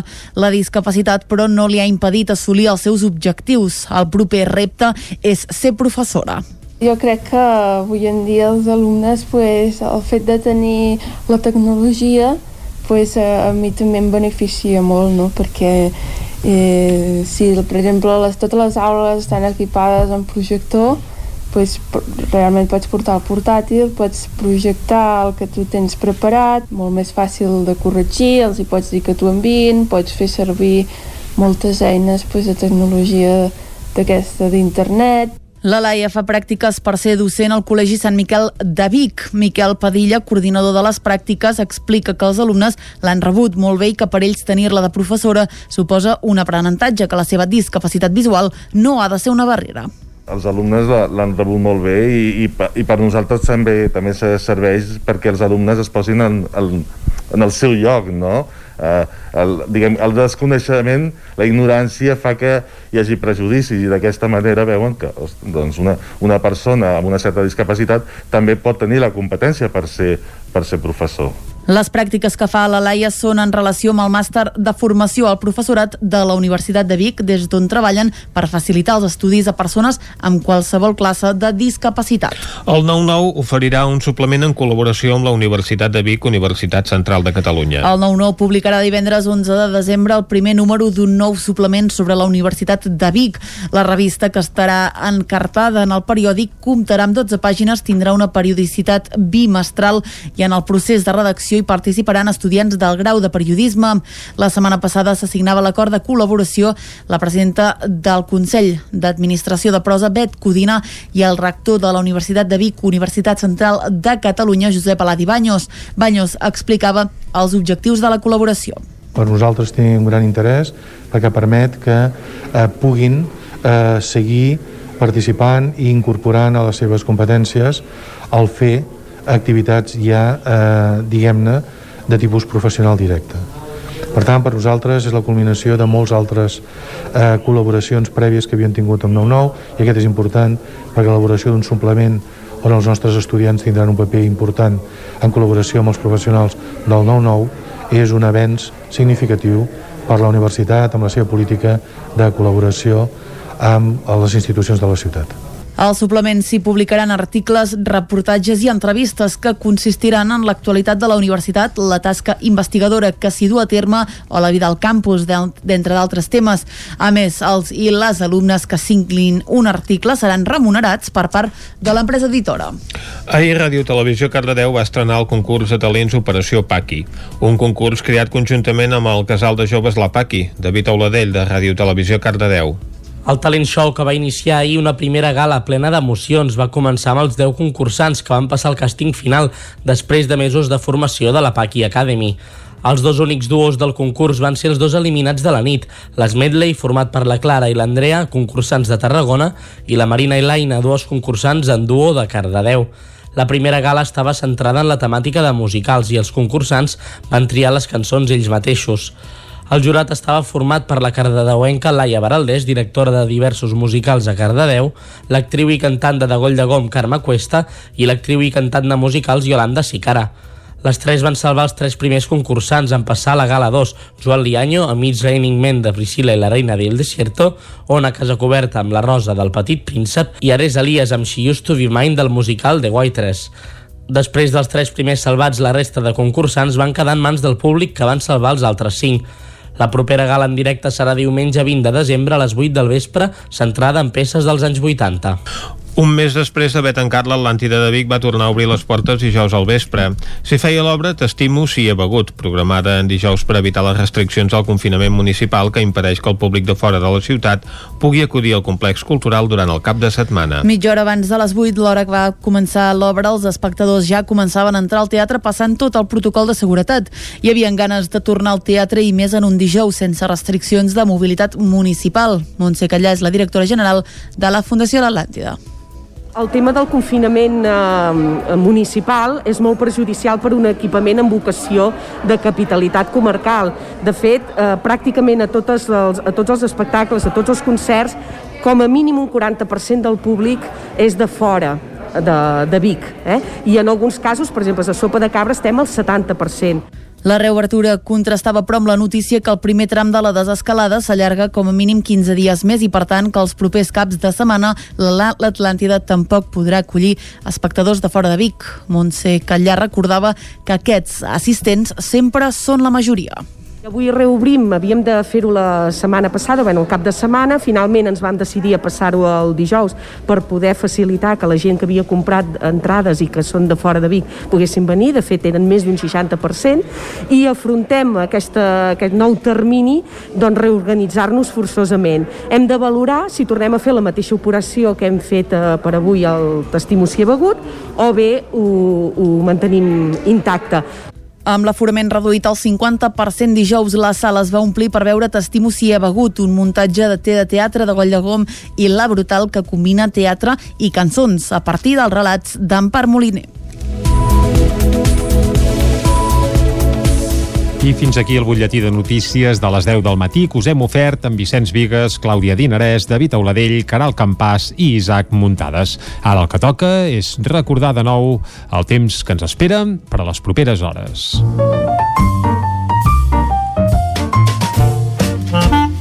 Casa Terradellos us ofereix el temps. I per parlar del temps, saludem de nou el Pep Acosta. Hola, molt bon dia. Bon dia, Avui hi ha més núvols. Uh -huh. La temperatura poder no és tan freda, no ha baixat tant la, la mínima, però bueno, eh, la màxima entre els núvols i que ho farà mica de vent, perquè tenim un, un petit front atlàntic que ens està creuant, farà que la sensació de fred augmenti una mica, eh? Les temperatures màximes no superaran els 9 o 10 graus a la majoria de les poblacions. Eh, es poden escapar, quatre gotes, i ja no m'aventuro gaire a dir que sí o que no, perquè ja dic que es poden, perquè és possible que no, però quatre gotes sí que es poden escapar, i també quatre bombes de neu al Pirineu. Molt poca cosa, eh? Bastant insignificant la nevada i la pluja que hi haurà avui, i com deia, les temperatures màximes molt fredes ens haurem d'abrigar eh, força.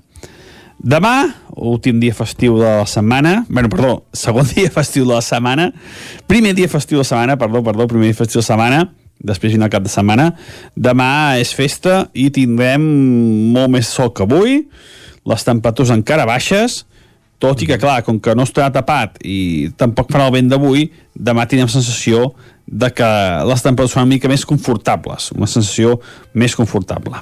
Les temperatures màximes 10, 12, 13 graus demà, una mica més altes, ja que farà més sol que avui. I això és tot, ens escoltem dimecres, eh, per fi aquesta primera entradeta a l'aire fred, que ja convenia, ja convenia aquí fred, eh? a l'hivern, Mhm. i eh, està bé, està bé que faci aquest temps perquè és el temps que toca i per tant està molt bé. Moltes gràcies i fins dimecres. Doncs Adéu. vinga, en Pep Acosta, que és un fan del, del fred, de les fredurades, això ho tenim claríssim, eh? I tant. doncs va, Les ara... també li agraden, el que no li agrada és el vent. Exacte, i el que tampoc li agrada és que no passi res, que per tant, Exacte, caliu meteorològic anticiclons i no- moviment. no. Això ho tenim claríssim. Ara el que farem és parlar, atenció, de pastorets, perquè tot i que sembla que aquest eh, hivern es suspenen tots i no se'n fan enlloc, hi ha algun raconet dels països catalans on encara es faran pastorets. Plogui, on? nevi o faci vent. Exacte.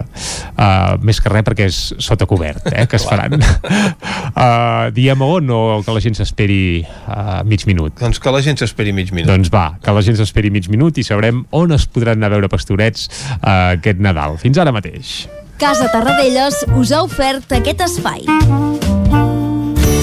Territori 17. Envia'ns les teves notes de veu per WhatsApp al 646 079 023. 646 079 023. WhatsApp Territori 17.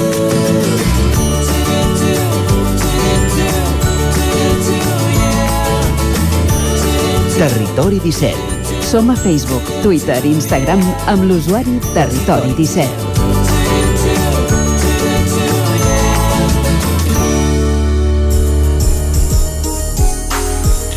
Ara mateix és un quart d'onze. Els pastorets de Vic estan d'enhorabona perquè... Era Vic, eh? Era Vic, era Molt Vic. bé, molt bé. doncs estan d'enhorabona perquè compleixen 100 anys i no només això, sinó que també és el desè any que es fan a l'Atlàntida, que són els que té aquesta nova instal·lació. Però aquest aniversari arriba en un moment complicat per les dificultats imposades per la Covid-19, encara que s'estan fent tots els esforços perquè aquesta tradició no es trenqui. Eh, ens en parla Jordi Colom, un dels actors habituals dels pastorets. Bon dia, Jordi. Bon dia. Tan habitual que quan fa que tu fas pastorets? Des de, des de que vaig néixer, ja. Ja, Ja feies de nen Jesús. Ja, ja hi sortia. I quan, quan van començar les representacions dels pastorets a Vic? Doncs vam estar preparant la, una petita exposició que farem a l'Atlàntida, uh -huh. per celebrar els 10 anys, uh -huh. anar parlant amb gent, anar buscant cartells, perquè aquest teatre neix de la fusió de, de quatre grups de, de teatre de Vic, Uh -huh. i llavors vam trobar en un cartell de l'Orfeó, que el meu avi havia sigut durant molts i molts anys el, el dimoni, i molta gent el, el recorda encara, uh -huh. ens posava els pastorets a Vic des de 1920. Uh -huh. I vam dir, ens casa tot. Ens casa el desè aniversari, ens casa el, el centenari dels pastorets a l'Orfeó. Mm. Que nosaltres ens sentim, Clar. igualment com de Ventall, de la Palangana o de Gallaret, uns hereus de l'Orfeó també. Perquè els, els pastorets es feien primer a l'Orfeó Bigatà i eh, això que dèiem, no? quan es va inaugurar l'Atlàntida doncs ja es va passar aquí i es, fa, es van fer uns pastorets doncs, més ofenosos i amb la col·laboració de molta més gent. Exacte, sí, sí. Bueno, sempre hem tingut aquesta vocació de projecte de ciutat, impliqués eh, escoles de dansa, l'escola d'art, les d'art, l'escola de música, els grups de teatre, per tant, sempre hem intentat que aquests pastorets neixin una mica més, més enllà. Uh -huh. I eh, a Vic eh, s'han fet sempre els pastorets de Josep Maria Folch i Torres perquè recordem que aquesta obra té 104 anys. Uh, els que hem anat trobant de moment sí, tot i que hi ha hagut altres associacions que han fet altres tipus de, de pastorets i en un principi eren en castellà, per tant no, no serien els de Folk i Torres, Uh -huh. però sí que ja uh, Folk i Torres té molta tradició aquí a Vic. L'únic que nosaltres ja, ja també ens ve de l'Orfeó amb una adaptació de Solà i Sala. Uh -huh. Uh -huh. I s'han celebrat cada any, eh, no sé si en teniu constància, si al llarg de tot aquest segle s'han eh, celebrat els pastorets a Vic de forma interrompuda o hi va haver el parèntesi de la Guerra Civil o hi ha hagut algun moment en què no es van representar? Uh, no, no ho tinc confirmat, però jo diria que durant la Guerra Civil hi va haver bastant, uh, problemes a l'opció per poder seguir, per tant segurament els pastorets es van deixar. No sé si va quedar alguna cosa més testimonial, mm -hmm. però tampoc no, no, no tinc les dades per, per assegurar-ho, eh? perquè diria que durant la Guerra Civil es va parar, es va parar tot. Mm -hmm. Uh, parlem dels pastorets d'aquest any, no? Perquè això que dèiem, aquest any uh, uh, s'ha aconseguit doncs, salvar aquesta tradició malgrat les dificultats de la Covid-19. Quins dies hi haurà representacions aquest any i com s'ha de fer per comprar les entrades? S'ha de fer com sempre o hi haurà alguna, alguna variació a conseqüència d'aquesta situació que patim? Els dies seran els que portem fent últimament, que són el 26, uh -huh.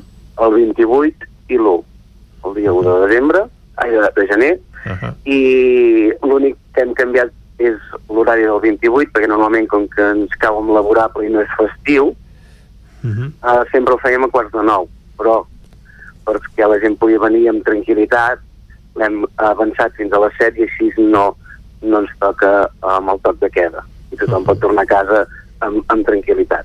Uh -huh. La resta a les 6 de la tarda. I les entrades es poden comprar tant a la taquilla de l'Atlàntida com a l'oficina de turisme de Vic o per internet. Uh -huh. Per tant, eh, a través dels punts habituals... Eh... Habituals, sí. Uh -huh. La funció del dia 28 inclou alguna novetat pel fet de ser doncs, el dia dels innocents? Alguna variació en el guió? Ah, sí, intentarem innovar. Ja l'any passat vam tenir, sense buscar-ho, vam tenir la gran repercussió doncs, de, de l'Àngel que amb la bandera espanyola xocava contra la farola i que això va córrer per tot Twitter. Uh -huh. uh, no sé si aquest any aconseguirem el mateix, però si més no sí que, com que és innocentada, uh -huh. el, el farem diferent. Uh -huh. I hi haurà també alguna representació virtual a través de la sala 4 que ara ha obert a l'Atlàntida per poder seguir espectacles des de casa? Exacte, sí, el dia 24 uh -huh. uh, gravarem unes petites escenes doncs, perquè la gent vagi fent, vagi fent boca. Uh -huh. Sí que volem deixar clar que no seran els pastorets, perquè ha portat una mica de, de confusió. No és que fem els pastorets, sinó que farem algunes escenes. Uh -huh. Els pastorets, eh, la nostra intenció era fer-los en directe i si tot va bé, uh -huh. perquè esclar, amb la situació que estem no podem afirmar al 100%, però si tot va bé el farem en directe aquests dies que hem dit, però el 24 uh -huh. doncs ja es podran començar a treure una mica l'espineta uh -huh. la gent. Va, que seran escenes d'aquest any. Recordem que els pastorets de Folk i Torres, en la seva integritat, doncs és una obra llarga, no?, de representar. Sí, és una obra que, a més a més, com que ha anat patint variacions per això que deia, hi ha hagut adaptacions, uh -huh. uh, ja no és tan llarga com abans, la gent tampoc té... Uh, abans la gent potser podia estar-se més estona gaudint, avui en dia la vida és més, més ràpida, per tant, són uns pastorets més ràpids, però sí continua sent una representació uh, de pastorets, per tant, una bona estona que, que gaudeixen al teatre. Uh -huh. I com s'ha hagut de modificar la representació per complir amb els protocols de la Covid? Per començar, i lamentant i aprofitem també l'antena per donar les gràcies a tota la gent que sempre hi ha participat, estàvem parlant de més d'un centenar de persones, que òbviament uh -huh. no pot ser, i seguint les directrius ens marquen un màxim de 20 persones uh, a dalt de l'escenari, per tant, hem procurat que les escenes que hi hagi més gent, això, un màxim de 20 persones, que són dimonis, uh -huh. que són pastors, uh, es veurà molt reduït, però òbviament així es podrem també, en un espai com l'Atlàntida que ho permet, altres espais uh, no ho permeten, doncs mantenir més la distància entre, entre els actors. Uh -huh. Efectivament, I, i l'avantatge de que l'escenari és molt gran i, i per tant Exacte. això contribueix al distanciament. L'escenari és molt gran, eh, quedava molt ple, aquest any quedarà més buit, per tant haurem de buscar com omplir-lo, per tant la gent ja s'anirà s'haurà d'anar espaiant. Uh -huh. I llavors sí que un cop eh, hagin sortit de l'escenari, doncs seguir tots els protocols que ens marquin l'Atlàntida, que això ho tenen més que, més que pamat, perquè ja porten bastantes representacions i eh, la gent abans estaven totes juntes, doncs aquest any cadascú s'haurà d'estar amb el seu grupet uh -huh. separat. Però com que la casa també és gran, hi ha lloc per, per tots els que, hi, els que hi participen. Efectivament, és l'avantatge d'aquestes instal·lacions doncs, sí. àmplies i modernes com les que ens pot permetre ara la ciutat de Vic per poder representar aquesta obra tradicional. Sí. A, a l'hora d'assajar també com, com us heu de fer per, per poder complir amb tots aquests protocols que a vegades són variables, no? Ara mateix a l'Atlàntida doncs, també estan pendents de quan s'acaba aquest confinament municipal de cap de setmana i segur que tots aquests protocols als quals tots estem pendents, doncs vosaltres també lògicament en primer lloc per saber per saber què, què és el que heu de fer, el que podeu fer, quins protocols aplicar i, i en activitats com aquesta no només la representació sinó els assajos que requereix doncs també hi deu haver les seves dificultats. Sí, clar, hem d'estar pendents d'això, hem d'assajar, que també com que l'any ja ho porta, ens ha ajudat amb grups petits, de moment encara tots aquells pastors que no, que no parlen, els pastors encara no han vingut, uh -huh. sinó que vindran més endavant, um, tots um, amb mascareta i amb ventilació constant. Uh -huh. Llavors, per exemple, algun dia que hem hagut de fer una escena que sortien pastors i dimonis, doncs primer venen els dimonis, llavors quan marxen els dimonis entren els pastors i anar fent així un trencaclosques perquè aquest any realment ha sigut difícil i també aprofito per donar les gràcies tant a, a l'Atlàntida com als centres cívics com a la regidoria que s'han prestat a ajudar-nos molt a poder fer uns assajos que, que, eren, que canviaven un dia per l'altre, com aquell qui diu. Mm -hmm perquè els pastorets que solen ser la porta d'entrada al món de l'escena per molta gent, doncs aquest any segurament no haurà pogut ser, no? que s'hagi incorporat gent nova a l'elenc dels pastorets. No, aquest any ja, ja han, hem hagut de procurar que hi hagués gent que ja ho havia fet, entre altres coses perquè és això, tenint en compte que hi ha menys gent, doncs com a mínim que hi hagin tapitjat escenari, que sàpiguen eh, com funcionen els pastorets. Mm -hmm. Però bueno, a partir de l'any que ve encantadíssims de tornar-los a obrir si, si tot ja està normalitzat. Efectivament, i, haver, i poder complir doncs, amb la reducció dels assajos a la mínima expressió, no? amb gent ja experta que coneix el seu paper per, per sí. poder doncs, agilitzar també tots aquests tràmits i aquestes sí, sí. dificultats que apareixen. Per sort hem tingut canvis de personatges, el més destacat Jordi Arqués aquest any no fa de Satanàs, ho fa en Lluís Bové, uh -huh. però bueno, en Lluís Bové també és una persona de, de pastorets de tota la vida, per tant no, no tindrem cap mena de problema amb ell i llavors altres personatges més petits com Sant Josep o Simeó que han canviat però són també gent pregada ja en el món del teatre I, i tu Jordi quin paper faràs? Jo faig de Rovelló uh -huh. ja mhm. porto uns quants anys amb un Ferran Baquer que fa de Joquet uh -huh. i com que ens entenem molt bé a, a fora de l'escenari a dins també, també es nota uh mhm. -huh. De música en directe n'hi haurà aquest any també? Sí, tot i que reduïda, en Jofre Verdolet, el director, ha hagut de, de reduir també per les, les mesures uh mhm. -huh. i, i això, més, menys eh, número d'instruments, però sí que continuarem tenint aquest que és un dels grans plusos dels nostres pastorets, tenir música en directe. I algun record dels 10 anys també, no? Ah, exacte. Uh mhm. Molt bé, doncs moltes gràcies eh, Jordi Colom, actor dels Pastorets de Vic, per haver-nos recordat aquesta tradició que compleix 100 anys eh, aquesta 2020 a la ciutat i també el desè aniversari del trasllat a l'Atlàntida doncs, d'aquesta doncs, representació tradicional de cara Nadal coincidint doncs, també amb la inauguració d'aquest nou centre d'arts de la ciutat de Vic. Gràcies per acompanyar-nos, que siguin un èxit els pastorets i que l'any vinent es puguin fer amb tota la normalitat possible. Moltes gràcies i res, només recordar que la cultura és, és segura. Doncs ens apuntem a aquesta data, el 26, el 28 i l'1 són els dies que hi haurà pastorets a l'Atlàntida de Vic.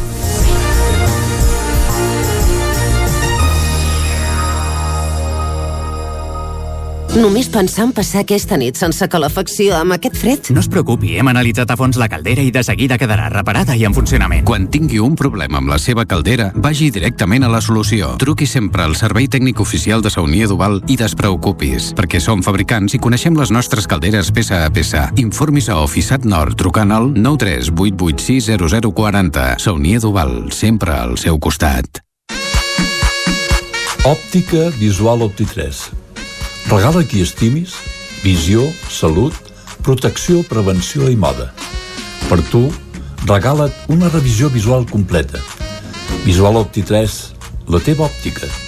Ens trobaràs a Facebook, Instagram, visualopti3.com i la plaça Major 39 de Vic. Anuncia't al 9FM. La màquina de casa. 9 3 8 8 9 4 9 4 9. Publicitat arroba al 9FM.cat. Anuncia't al 9FM. La publicitat més eficaç.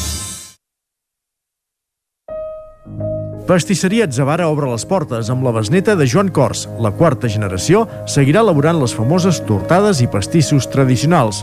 Com que ens apassiona el que fem, modernitzem els clàssics i fem coses noves perquè disfruteu cada dia.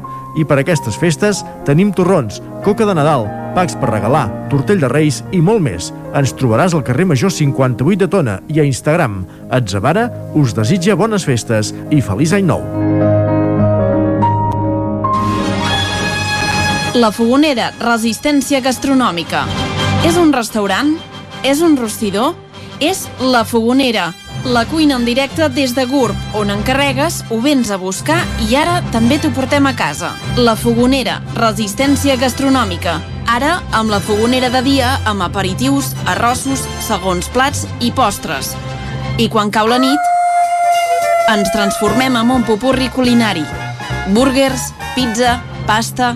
Truca al 93 851 55 75 o entra a lafogonera.cat. La Fogonera, el teu aliat gastronòmic. Per estar bé a casa, vine a Mobles Verdolet. Sofàs, sales d'estudi, dormitoris, menjadors i molt més. Mobles fets a mida. Mobles Verdolet. Ens trobareu al carrer Morgades 14 de Vic i al carrer Nou 44 de Torelló i també a moblesverdolet.com. Mobles Verdolet us desitja bones festes. Farmàcia Vilaplana. Productes de cosmètica de marca pròpia Lierac i Nux. Farmàcia Vilaplana. Vine a veure els nostres packs de productes d'higiene i cosmètica per a aquestes festes. Regala salut i bellesa als que més estimes. Farmàcia Vilaplana. Ens trobaràs a la plaça Major 17 de Vic i també a Facebook i Instagram. El nou FM, el nou FM, el nou FM, el nou FM.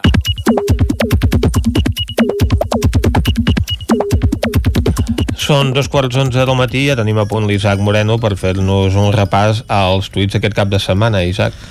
Hola, doncs bon dia. N'hi ha diversos, sí, tens raó. Molts, com sempre. Com sempre. Comencem, per exemple, amb una piulada de Josep Maria Diegues, de, uh -huh.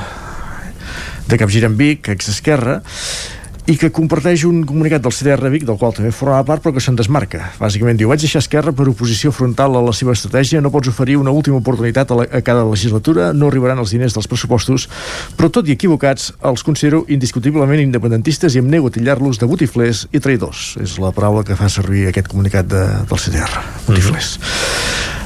Parlant d'Esquerra Vic, Josep Lluís Garcia, mentre fan tuits no empipen fent política, no sé què és millor, diu. Uh, des de Torelló, Marc Casas. Diu, això el confinament municipal com funciona? Només és pels borricassos com jo? Torelló, Sant Pere, Torelló. Hike away. Doncs sí, n'hi ha més d'un de borricàs en aquest aspecte. El mateix piulador, eh, sobre el tema polític, diu en pressupostos polítics i a la xarxa la claca dels partits anant-se fotent retrets, vergonya, però ara ens tornem a permetre república, prometre, ens tornen a prometre república, referèndum i no sé què més. I cara de anar-s'ho pensant. Joan com a roure, amb el feixisme sigui del color que sigui, ni reunions, ni pactes, ni silencis, ni electoralismes. Uh, Mireia Genís es fixava en un titular del 324 que deia els Mossos faran 600 controls de trànsit aquest cap de setmana, sobretot per vigilar que es compleixi el confinament municipal. I la Genís que diu, perdoneu, però aquí Vic no som únicament els de Vic ni de conya. El mercat està concorregut com en les seves millors èpoques i se sent parlar castellà. Ojo! Per tant, no són de Vic. També hi ha gent de Vic que parla castellà i altres llengües. Però el, el, tuit, el tuit el que vol venir ah, sí, sí. a dir és això. Carles Furriols, Tati Furriol, la persona que avui a mig matí m'ha robat la cartera amb els diners recaptats pels presos polítics, li recordo el número del compte de l'Associació Catalana de Drets Civils. I aquí el recita el compte corrent, diu recapacita, el DNI no em preocupa. Això era dissabte? Correcte. Mm -hmm. Uh, Jordi Vilarrodà fixa en un titular del 99.cat que diu puja la velocitat de propagació al Ripollès mentre que Osona va agafant el bon camí. I en Vilarrodà que comenta si, ane si, si anem empitjorant el Ripollès no ho atribuïm als que hagin pujat aquests dies. A Sant Joan de les Abadeses l'índex de risc des de 358.03 i l'RCO d'1,93. A Ripoll 957,59 i 2,62. Dades actualitzades a dijous, abans del pont. Des de Torelló, Roger Puigdecanet diu aquest any a l'hora del Carnaval de Torelló plourà. Llavors, durant 43 anys més no plourà mai el dia i hora de la rua. Aviam, sí, és Tant de bo. això. Ari Carrera, la derrota ha fet empetitir encara més els partits polítics, els seus líders i les seves discussions absurdes de pati d'escola. Fa molta vergonya el Twitter d'aquest país. Uh, des de Torelló, Albert Espadamala diu Has tingut mai la sensació que una casa té vida pròpia? Quan dormo sol a la masia, casa molt gran i centenària, no s'ha criat tot, on s'ha criat tota la família, tinc la sensació que hi ha quelcom especial, no és com la resta de llocs, imagino que per càrrega històrica i sentimental. Segur Què deu que sí. passar aquí? Mhm. Miquel Muñoz, diuen que alguns trens passen només un cop a la vida. El que ningú et diu és que també passen autocars cada hora. O cada mitja. Això és el tuit existencial. Pep Poblet, ei, polítics, menys emigrar-vos al malic, menys demanar dimissions dels uns als altres i més escoltar al carrer, que n'estem fins als pobres de tots vosaltres. Queda dit. I anem acabant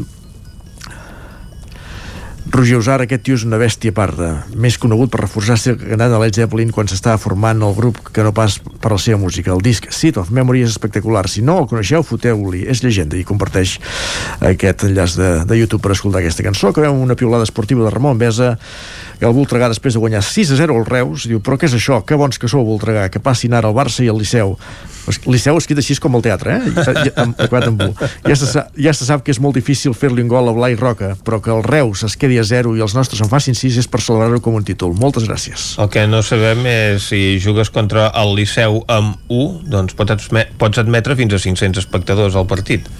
O també pots revelar-te i dir que Que no jugaràs. que, que tancaràs l'esport que, que baixaràs la persiana Anem a veure què treu un portal al 99.cat. Comencem per l'edició del Vallès Oriental. Viana avança en el trasllat del local del centre de Granollers.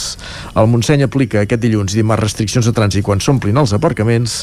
Les restriccions per la Covid-19 amoïnen els productors de mongeta del Ganxètic, els Sots i Salut farà cribatge, un cribatge massiu a Bellavista i als barris del nord de Granollers.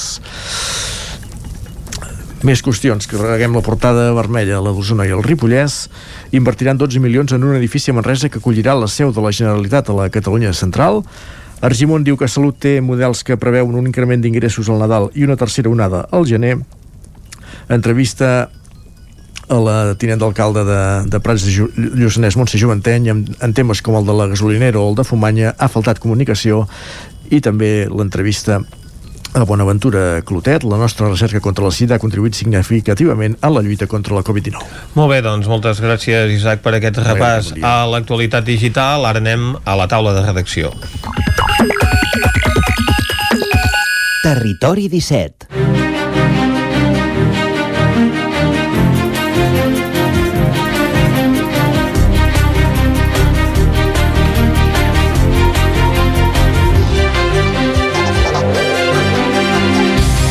I avui a la taula de redacció comptarem amb David Auladell i amb Guillem Freixa.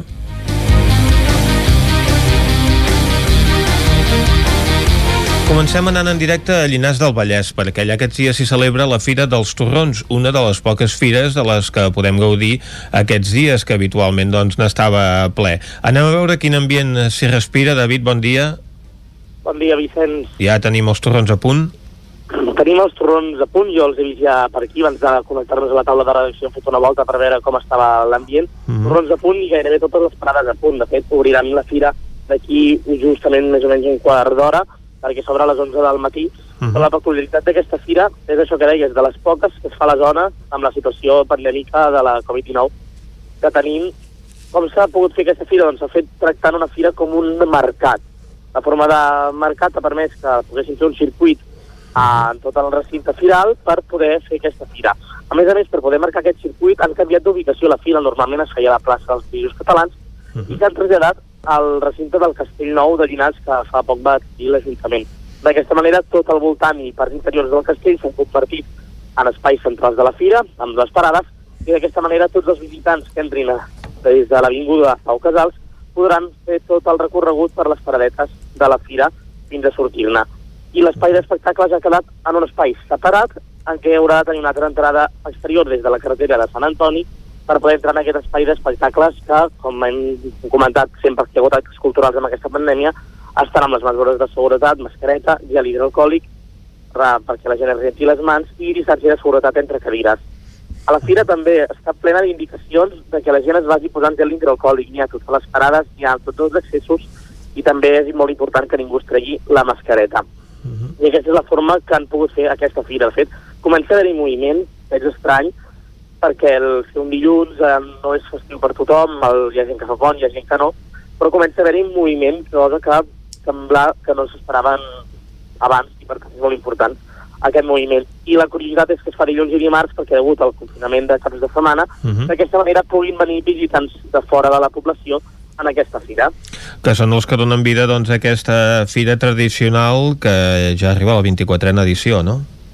Correcte, arriba a la 24a edició, semblava allò que potser no es podria fer, i ara sí que arriba a aquesta 24a edició, que ja és tradicional a Quina, que tothom la coneix, és una icona de la població i també seria molt greu no poder-la fer. De fet, han estat treballant. Aquesta última setmana encara va perillar per les dades que ens donaven des de salut, uh -huh. però sembla ser que al final tirarà tot endavant sense cap mena d'incident i esperem que la gent compleixi tot, totes les mesures, tant els visitants com els paradistes. I a més amb aquest control d'aforament doncs, que permet que no hi hagi més gent de la que hi pugui cabre en el recinte, no? Correcte, l'aforament està limitat a 500 persones en tot el recinte, i és un recinte bastant ampli, per tant segurament es podran mantenir les distàncies de seguretat, haurà un control en tot moment de tota la gent que entra i fins, si algun moment s'arriba al límit d'aforament, fins que no surti algú per la sortida, no es comunicarà que l'entrada es deixa entrar més gent per no crear cap aglomeració. Uh -huh. I quina mena de productes hi podem trobar? Evidentment, torrons, però quins productes venen fins a Llinars a portar els seus productes i, i a més a més n'hi deu haver doncs, també de relacionats amb el Nadal al marge pròpiament dels torrons, no? Correcte, a part dels torrons, que hi ha la seva zona reservada, podem trobar parades de tot tipus. Relacionades amb el Nadal, com dius, tenim floristeries que venen la típica poncetja a la planta de Nadal o el remet de la sort que li diuen al vesc per, per regalar. Uh -huh. Parades que venen decoració de Nadal perquè de tions. Ara mateix, l'època aquesta que tothom fa l'activitat de buscar els tions, aquí podeu trobar els tions i comprar-los uh, per casa vostra. Hi ha alguna paradeta que té algunes figures de pessebre. Allà hem de dir que llàstima que n'hi ha molt poques d'aquestes en aquesta fira, que a veure si algun any veiem que aquí en posen alguna més. Però uh -huh. després, com és una fira oberta a totes les botigues de Nadal, o com és situació de bona tenir, hi ha totes les botigues que han pogut portar també els seus productes, sí, productes de roba, amb pastisseries que no tenen torrons però que també venen alimentació, amb uh -huh. productes de, de neteja, de sabons i, i, i d'incensos i d'aquest tipus de botigues, i al final és fer un espai del comerç local del poble perquè es pugui vendre en aquesta època de Nadal i puguin obrir tots els productes i que la gent els tingui en compte que s'han de fer comerç local. Uh -huh. I hi ha alguna novetat pel que fa als productes nadalencs? Hi ha algun torró especial aquest any? Doncs mira, el que podem dir aquest any és que el torró, els torrons de, de Llinars no tenen res especial, però sí que hi ha més pastisseries que altres vegades que porten uh -huh. producte uh, de torró això és una, ho trobem molt interessant perquè normalment hi havia dos o tres pastisseries només i aquest any han arribat, a, han arribat a cobrir una zona de cinc o sis pastisseries venent els seus torrons i per tant hi haurà més varietat uh -huh. on la gent poder triar. Molt bé, doncs esperem que vagi bé aquesta fira que s'inicia d'aquí uns minuts i que durarà tot avui i demà perquè la gent de fora de Llinars ens pugui visitar també aquesta tradicional activitat nadalenca aquí al Vallès. Moltes gràcies, David. Gràcies, Vicent. I on s'han acabat els torrons és a la vegueria de la Catalunya Central. La seu estarà a Manresa amb un nou edifici que construirà el govern i en el que hi destinarà 12 milions. I aquí s'ha acabat el bròquil, no, Guillem Freixa?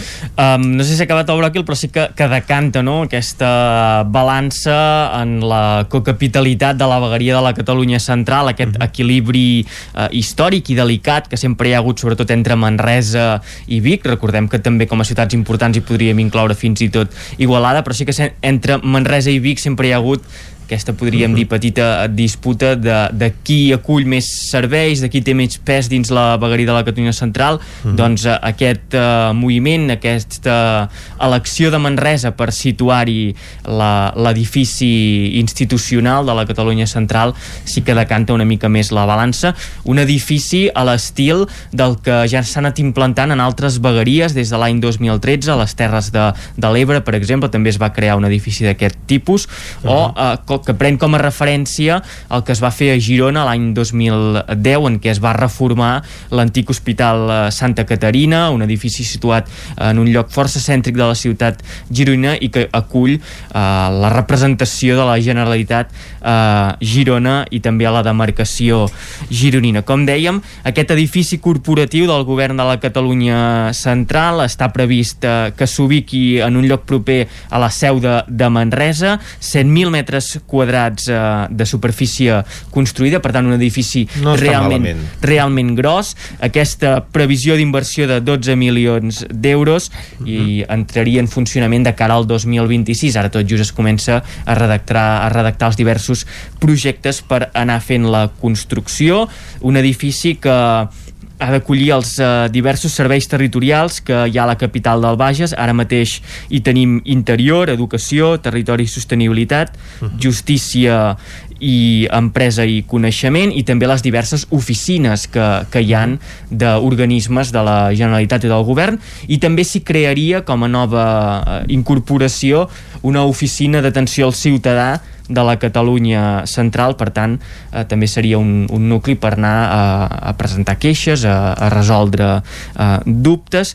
Des de la delegació de la Catalunya central expliquen que l'objectiu d'aquest edifici és d'una banda agrupar eh, totes aquestes delegacions en un mateix edifici, ara es troben repartides per una dotzena de, de locals, de, de pisos, de- d'habitatges a, a la capital del Bages, doncs d'una banda agrupar-los tots en un i de l'altra també expliquen que hi ha un tema de- d'estalvi que a la llarga eh, reduir els lloguers que, que deuen tenir tots aquests locals suposaria un estalvi d'un eh, milió d'euros a l'any, per tant una xifra important que amb el pas del temps hauria d'anar amortitzant aquesta inversió de 12 milions d'euros.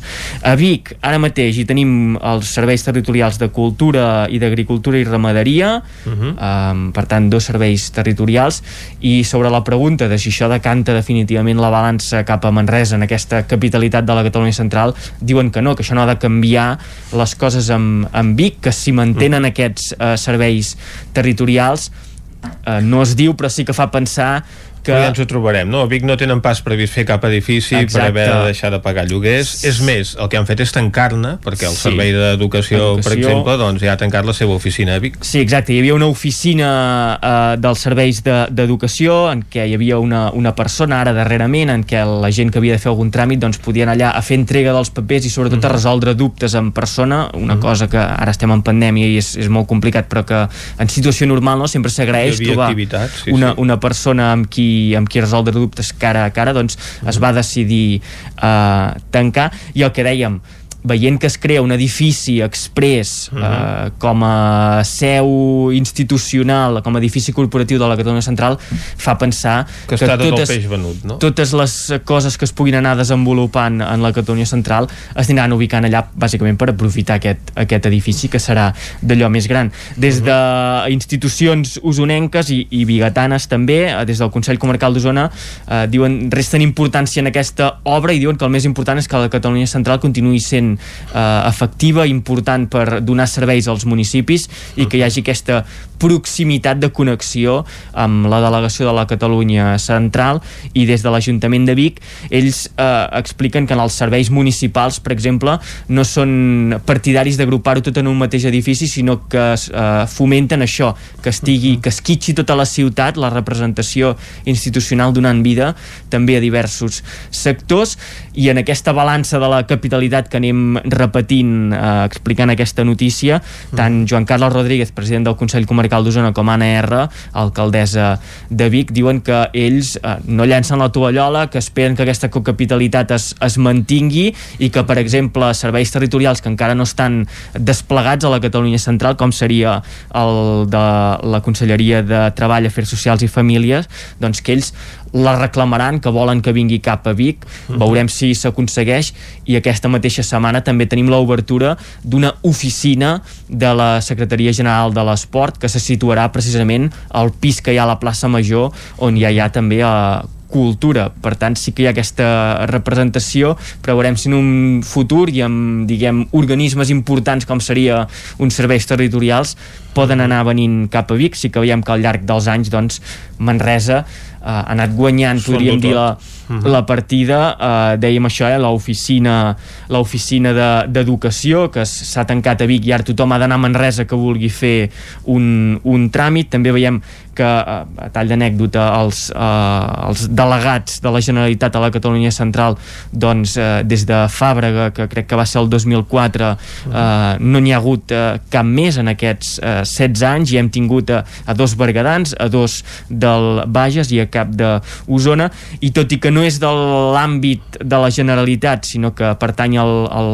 poder judicial, també ens trobem que, que Manresa té els judicis penals durant un temps um, es venien a fer un dia aquí a Vic els judicis penals però amb el mal estat de les instal·lacions es va decidir que els jutges ja no venien més aquí a Vic i també tothom s'ha de desplaçar cap a Manresa. Per tant, Manresa que va guanyant importància, pot semblar no una lluita de campanars, allò que diem de, de qui té més eh, presència Vic o, o Manresa però tenir aquestes institucions també dona eh, molta importància a les ciutats, molta vida. Per exemple deien en la nota de premsa de la Generalitat que la seu aquesta de la Catalunya Central eh, hi, hi acollirà 250 persones, per tant és un volum molt Molts important de gent que es mourà per, per allà i que donarà vida en tot aquest eh, sector. Veurem, ens quedem amb aquesta idea, que Osona no llença la tovallola, que segueix també apostant per aquesta cocapitalitat i que demana acollir els serveis territorials de treball, afers socials i, i família per acabar també, recordem, la Universitat de Vic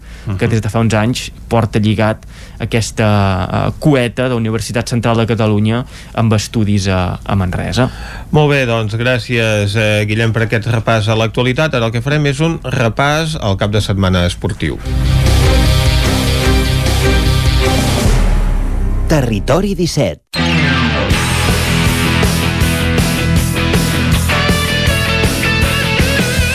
Doncs exacte, després de repassar l'actualitat, passar per Llinars, passar per la Catalunya Central, el que toca, Vicenç, és fer un repàs esportiu a com els ha anat els equips del nostre territori aquest cap de setmana. I el repàs el començarem per on? Doncs tornant al Vallès i el que farem és anar a Ràdio Cardedeu on ens espera l'Òscar Muñoz. Bon dia, Òscar. No tenim a l'Òscar Muñoz ara mateix és de Ràdio Cardedeu. Intentem veure si podem recuperar aquesta connexió. Òscar Muñoz, bon dia. Doncs em sento jo a mi mateix, però no estem sentint uh, l'Òscar Muñoz des de Ràdio Cardedeu. Sembla que aquesta connexió no és possible ara mateix. Anem, eh, sense moure'ns al Vallès, a una codinenca, on ens espera la Caral Campàs. Bon dia, Caral. Hola, bon dia. Com ha anat el cap de setmana esportiu? Doncs, mira, bé per alguns i no tan bé pels altres. mira, el Sant Feliu de Codines, eh, d'hoquei, comentar que pateix eh, per tancar bé els partits.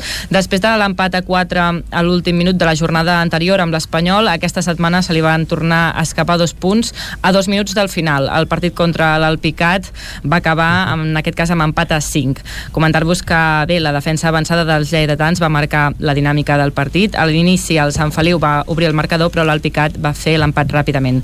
Just abans del descans el marcador era d'empat a 2 i a 5 del final Buixaderes posava un esperançador 5 a 4 al marcador, però quan només quedaven dos minuts els lleidatans van fer aquest empat a 5 i les coses van anar una mica millor pel Vigas i Riells uh -huh. femení. L'equip femení d'hoquei de Vigas i Riells, eh, que encara té un partit pendent respecte d'altres rivals que jugaran el dia 20 de desembre a Igualada, va fer un pas de gegant de cara a estar entre els quatre primers classificats en vèncer a la pista del Sant Cugat per un ajustat 2 a 3.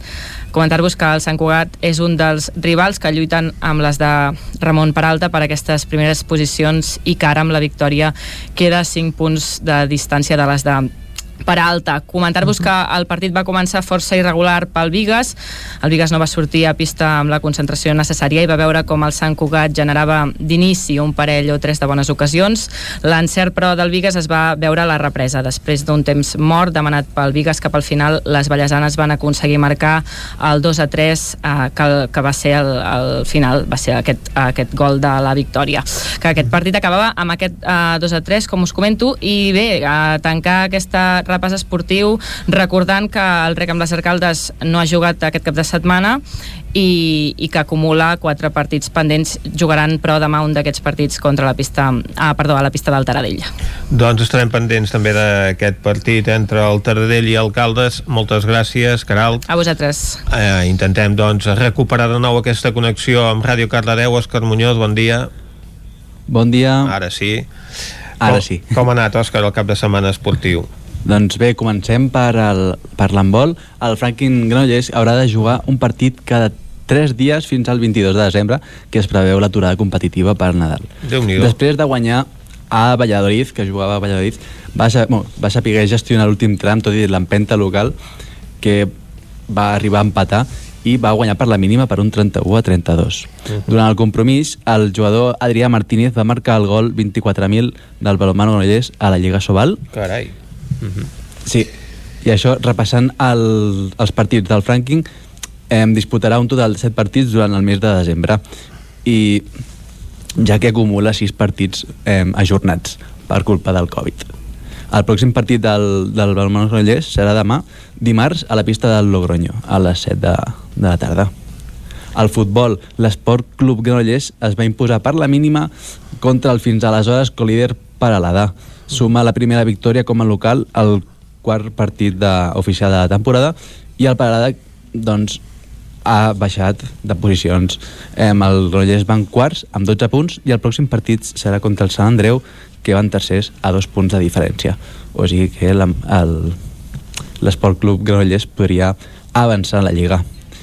I doncs per acabar teníem el Cross Internacional de Catalunya, Ciutat de Granollers, i tenim el guanyador en categoria masculina, em, el corredor Lacent Ait Aibou, del Club Atletisme Igualada, i la, i la Tiub Liquina Amewap del Club em, Atletisme d'Albacete, que s'han imposat aquests dos corredors a la 54a edició del Cross Internacional de Catalunya Granollers i la prova granollerina ha comptat amb a prop d'uns 900 atletes d'entre les diferents categories i ha significat la primera prova del calendari estatal de camp a través. Uh -huh. Doncs no són pas pocs els participants en aquesta tradicional prova, No, no, no. tenint en compte les circumstàncies en les que s'ha de competir ara mateix. Moltes gràcies, Òscar. A vosaltres. Anem ara cap a la veu de Sant Joan. Ens espera l'Isaac Muntades. Bon dia, Isaac. Bon dia, Vicenç. Bon dia. Com ha anat l'actualitat esportiva al Ripollès? Aquí està tot més parat, no? Sí, aquí està tot més parat, però sí que us podem explicar doncs, això que de tant en tant comentem ripolleros pel món. Eh, ara que eh, també parlàvem aquests dies de, de l'inici de la temporada d'esquí, en aquest cas aquí no hi ha obertes la, les pistes d'esquí encara al Ripollès, però hi ha una esquiadora de Ribes de Freser, la Núria Pau, que ja n'hem parlat diverses vegades, doncs, que eh, aquesta setmana doncs, va participar al Gran Prix del circuit italià de Felders, d'esquí alpí, i realment no li va anar gaire bé la cosa perquè sí que va fer eh, un top 10 però bé, el dijous per exemple a la modalitat de gegant eh, va fer eh, una desena posició a la primera mànega i en canvi una cinquena a la segona. Això li va permetre doncs, fer un sisè lloc que no està malament però evidentment doncs, sempre volem més.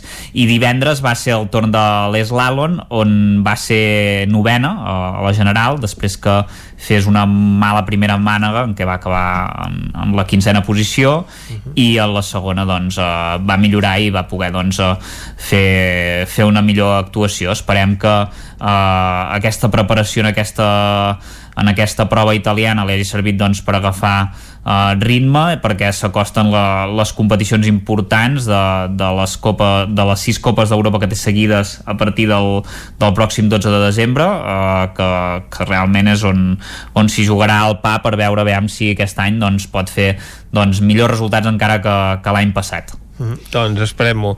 Moltes gràcies, Isaac. A vosaltres. Ara nosaltres parlem amb l'Ester Rovira, que avui ens comentarà un resultat espectacular,Ester. Uh, bon dia. Bon dia. Sí. Uh, de fet, uh, mira, en hoquei, uh, n'hi ha tres de golejades de... el que passa és que és veritat que una és més espectacular que les altres sí, perquè les altres És inesperada i la vam poder veure en directe els espectadors del Nou TV. Exacte, uh, per, per la xarxa uh, aquesta uh, victòria, aquesta pallissa del Voltregà per 6 a 0 amb el Reus Deportiu d'ahir de, a, la, a la Tarta um, l'encert davant de, de porteria dels voltreganesos i sobretot un fet al qual ja ens hi estem acostumant però és que Blai Roca uh, doncs s'està convertint uh, sí, en una assegurança de vida per al, per al Voltregà uh -huh. i um, doncs això um, eh, barrejat amb un partit que va ser intens, com era d'esperar, igualat, amb, amb protestes, amb decisions arbitrals doncs, que van generar tensió, va fer que es visqués un partit doncs, ben interessant ahir a la tarda i sobretot doncs, pels aficionats de, de Sant Hipòlit, un uh -huh. d'aquells que recordaran perquè una cosa és guanyar el Reus, no? que uh -huh. és el tercer classificat um, i amb grans figures, i l'altre és fer-li sis gols, que, que, això es diu, que això es diu ràpid. I que no te'n faci cap. I que no te'n faci cap, per tant, bé, també una mica de, de premi perquè sí que és veritat que això que dèiem de, de Blai Roca, que ens estem acostumant a dir que uh -huh. fa grans intervencions i cada setmana doncs, és el mateix, però també segurament això és com un premi no? per ell de dir, home, moltes setmanes faig grans actuacions però al final doncs potser uh -huh. um, contra els grans, fins i tot contra l'Iceu doncs llavors no, el resultat no acaba de ser el, el que era o contra el Noia fas molt bon partit i al final se t'escapa, doncs en aquest cas hi ha hagut recompensa en forma de porteria zero i amb, i amb golejada d'aquelles que el rival, el rival li, fan, li fan mal uh, a més a més això ha permès als, als de Sant Hipòlit escalar fins a la cinquena posició de la, de la classificació que no és poca cosa. No, perquè és de les millors dels últims temps. Exacte, sí que és veritat que, que per sobre hi ha un abisme. És a dir, fins a la cinquena posició bé, sí, però per sobre hi ha un abisme perquè el Voltregà és cinquè amb 14 punts però és que després venen el Lleida i el Reus que són tercer i quart amb 23 Clar. que són 9 més. Per tant aquí hi ha una de moment, si no és que es retallen distàncies, aquí hi ha una bretxa eh, grossa entre els quatre primers classificats i, i després aquest bloc del mig, però bé, en tot cas, això, el Voltregà que, que um, és, és dels equips més afectats aquesta temporada eh, per al coronavirus, per als partits eh, suspesos, per les quarantenes, i malgrat aquesta manca de regularitat, doncs l'equip està fent una, una, bona, una bona campanya eh, i, i bé, eh, la, la prova és aquest resultat i aquesta, aquesta classificació. Deia que no és l'única golejada del, del cap de setmana en hoquei, perquè eh, el Manlleu, per exemple, a l'hoquei Lliga Femenina eh, va golejar el Borbolla, el, el Cué, per 0 a, a 7, en un partit en què les manlleuenques van ser millors a la, a la segona part, i això les permet eh, doncs mantenir-se segones eh, a la classificació del grup A de l'hoquei Lliga Femenina, a un punt del Cerdanyola, però hem de dir que el Cerdanyola té dos partits més disputats que el Manlleu, per tant, tot fa, tot fa pensar que eh, tractant-se de qui es tracta, que és el Manlleu, doncs eh, recuperarà el liderat que ha ostentat durant bona part de la competició fins que el Cerdanyola va avançar partits i, i es va posar per, per davant. I també està fent una, una gran campanya el nou Voltregà de, de Miordeig, que aquest cap de setmana va golejar a l'Igualada en el seu cas a casa per 6 a 0. En aquest cas va ser un partit més ajustat, amb moltes ocasions per als dos conjunts, però, per exemple, les porteres voltreganeses, eh, perquè van jugar totes dues, primer Vic i Careta, després Teresa Bernades, eh, van fer doncs, una gran actuació sota pals que van evitar que les igualadines doncs, poguessin marcar i en canvi les voltreganeses van tenir eh, doncs, premi a la seva insistència i sí que van poder aconseguir sis gols sobretot al, al tram final del partit. I en el seu cas doncs, són segones també com el, com el Manlleu però elles del grup B a un punt eh, del Palau de Plegamans que és, el, que és el líder. En aquest cas sí que tenen els mateixos partits disputats els dos conjunts. I també victòria important a l'hoquei Lliga Plata no per golejada, aquesta més ajustada del eh, Manlleu embotit Solà eh, a la pista del Tordera 2 a 3 en un partit en què van haver de remuntar i on l'encerta bola aturada dels manlleuencs doncs, els va permetre eh, aconseguir una nova victòria i a més a més posar-se líders. Eh, recordem que els va costar molt també poder competir perquè van tardar un mes eh, respecte als seus rivals perquè doncs, van anar acumulant, acumulant endarreriments de partits per, també per, per la situació de la pandèmia. Eh, el primer van perdre però des de llavors doncs, el Manlleu que està fent una gran campanya demostrant el que ja fa temps que busca que és tornar a l'hoquei Lliga i de moment doncs, això s'han posat colíders perquè hi ha un empat a 3 entre el Vilafranca i el Sant Just i els Manlleuencs però ells van per davant i a més a més tenen un partit menys. Per tant això també és interessant. I dir que demà Uh, exacte, juguen un d'aquests partits que tenen pendents, que és contra el Sant Just, per tant, eh, jugaran el liderat entre, sí. entre aquests dos eh, conjunts. Eh, serà demà al migdia, dos quarts d'una, a Manlleu, a porta tancada, com tots. Eh, I també jugarà el Taradell, que en el seu cas demà a la tarda, a les 6, i rebrà Alcaldes, també en un partit d'aquests que tenien pendents ajornats de, de la pandèmia i un parell de, de punts més. Mm. destacar que en tenis taula es disputava la Champions femenina que el Girbau Vic TT va quedar enquadrat en un grup dificilíssim contra dos dels favorits a guanyar la, la competició i que les biquetanes no van poder superar la, la fase de, de grups. Eh, doncs van quedar-se sense poder disputar les, les semifinals. Eh, en el primer partit van perdre contra l'Ins, l'anfitrió perquè es jugar a Àustria per 3 a 0 després contra el Budaorsi d'Hongria per 3 a 2 i al final contra el Metz francès per, per 3 a 0 per tant uh -huh. eh, era molt complicat. Uh, el més important en aquest cas era ser aquí perquè doncs, per segon any consecutiu era l'únic equip català en tota la història que jugava a la competició, a la màxima competició de clubs europea femenina i han pogut tornar a ser, per tant, important. Uh, aquest cap de setmana destacar també que hi havia uh, uh, nou partit de, de la Nacional Femenina de Futbol on el Vic Riu primer va aconseguir una nova victòria contra el Collerense per 3 a 1 les biguetanes que en aquesta segona temporada consecutiva a la, a la competició, que havien recuperat després d'uns anys sense ser-hi, doncs estan fent una, una bona campanya, són cinquenes a la, a la taula i bé, de mica en mica, doncs això, només han sumat dos empats i una derrota, quatre victòries i, i les coses els van anant bé.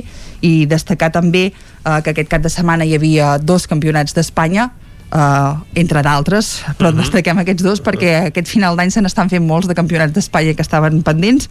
Un era el de Raids i Pics, amb molta presència usonenca com era d'esperar de, i de fet així va quedar reflectit en el podi. Primera posició per Àlex Luque, uh, segon a Àngel Soi i tercera Paula Montalà, per tant plenament usonencs. usonenc.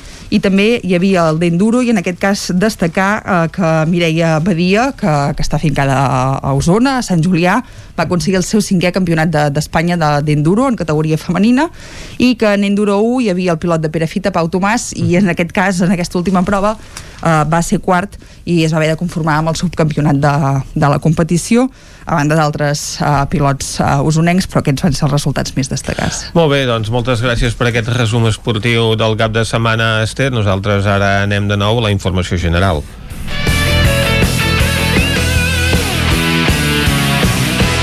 Mig minut i seran les 11 i 5 del matí i en aquest punt torna la informació de les nostres comarques, les comarques del Ripollès, Osona, el Moianès i el Vallès Oriental. Territori 17, amb Vicenç Vigues i Jordi Sunyer.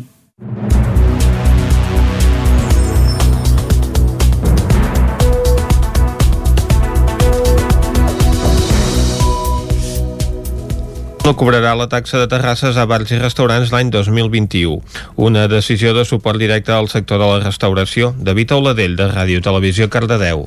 Aquesta aprovació permetrà la modificació de les ordenances fiscals per tal que aquests establiments no hagin de fer el pagament de la taxa d'ocupació de la via pública amb taules i cadires i altres elements anàlegs amb finalitat lucrativa.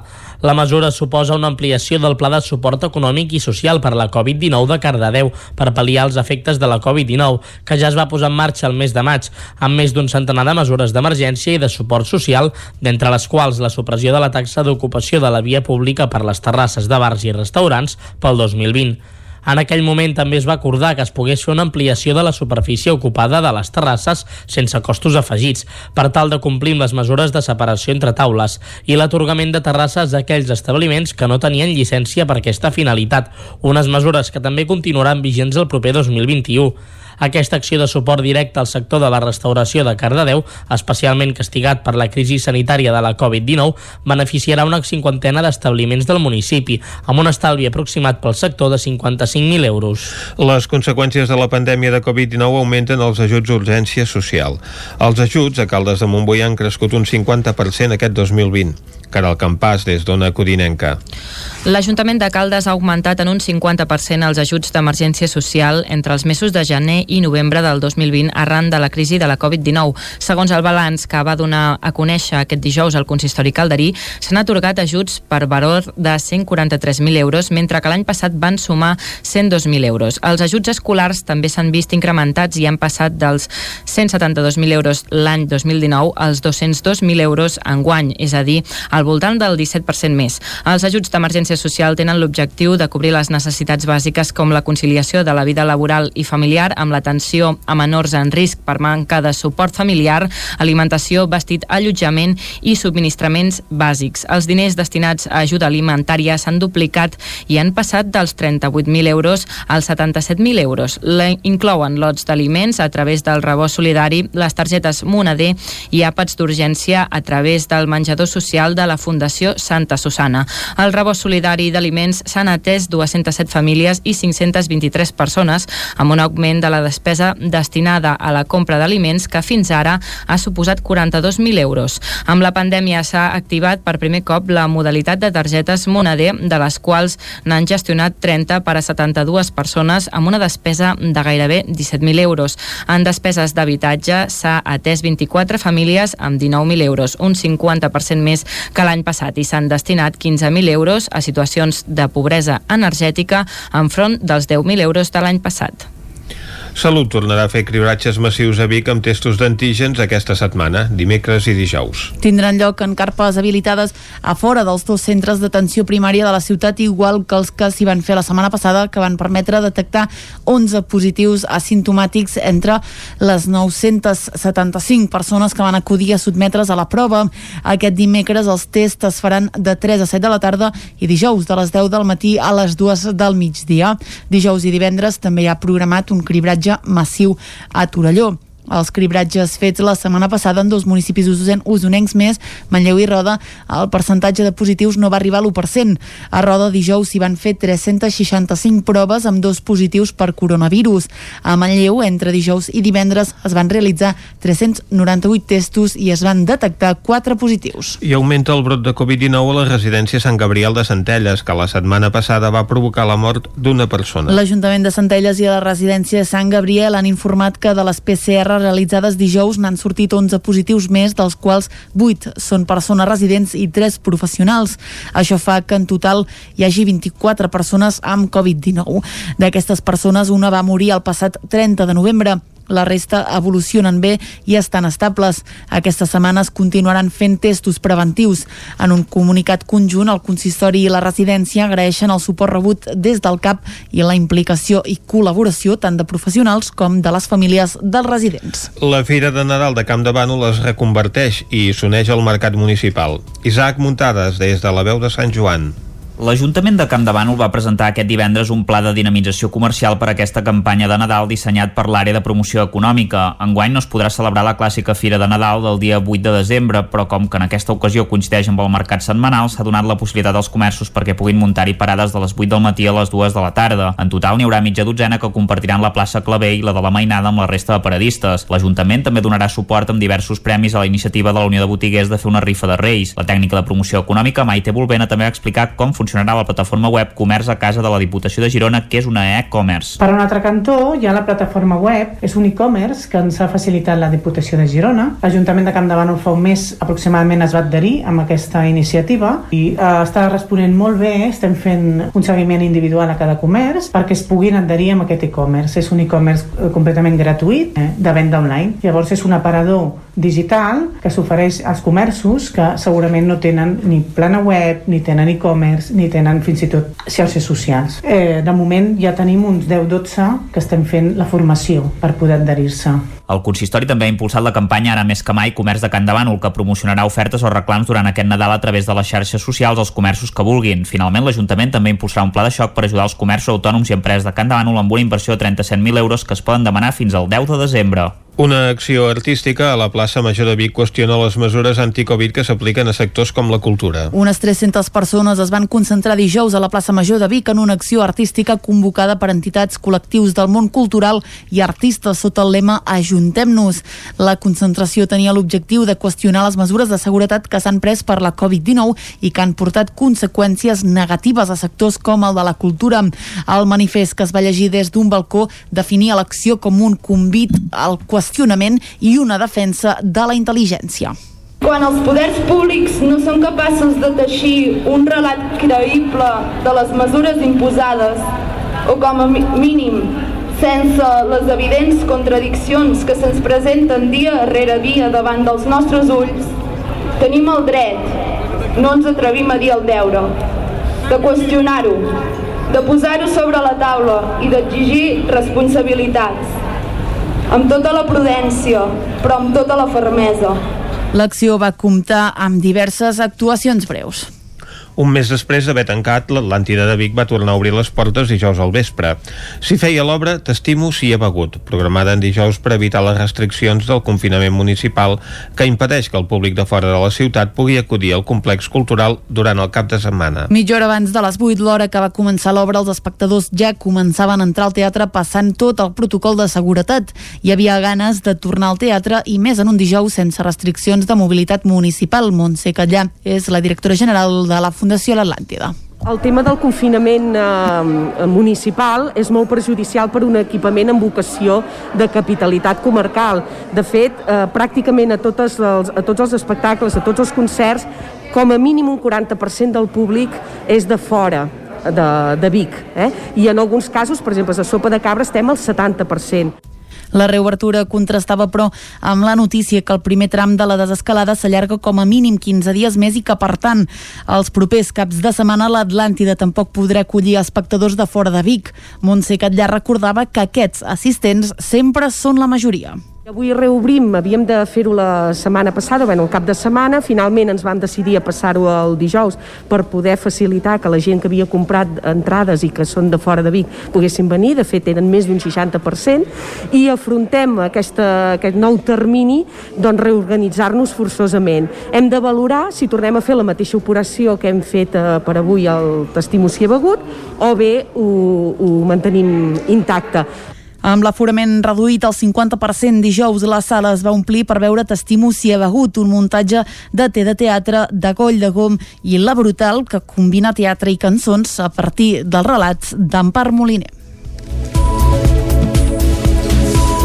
I fins aquí el butlletí informatiu de les 11 del matí que us hem ofert, com sempre, amb les veus de Vicenç Vigues, Clàudia Dinarès, David Auladell, Caral Campàs i Isaac Muntades. Ara farem una molt breu pausa, re, mig minutet, i tornem de seguida amb novetats discogràfiques d'àmbit nacional. Cada setmana ens n'acosta alguna l'Arnau Jaumira. Què ens portarà avui? Ho descobrim de seguida. Fins ara. Territori 17. Envia'ns les teves notes de veu per WhatsApp al 646 079 023. 646 079 023. WhatsApp Territori 17.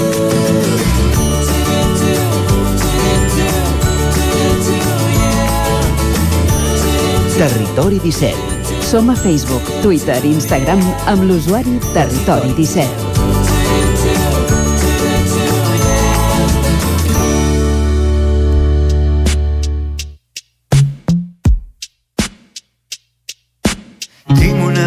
Abisme dins que s'ho emporta tot i ningú sap on va. Tinc un abisme dins que és molt profund i no sé mai què coi hi ha. I el que m'has dit avui algun dia hi serà, perquè allà hi va de tot. Fins i tot el menjar o el que em diràs demà ja hi he anat a parar. Però si no ho vull mirar, digue'm tu qui ho farà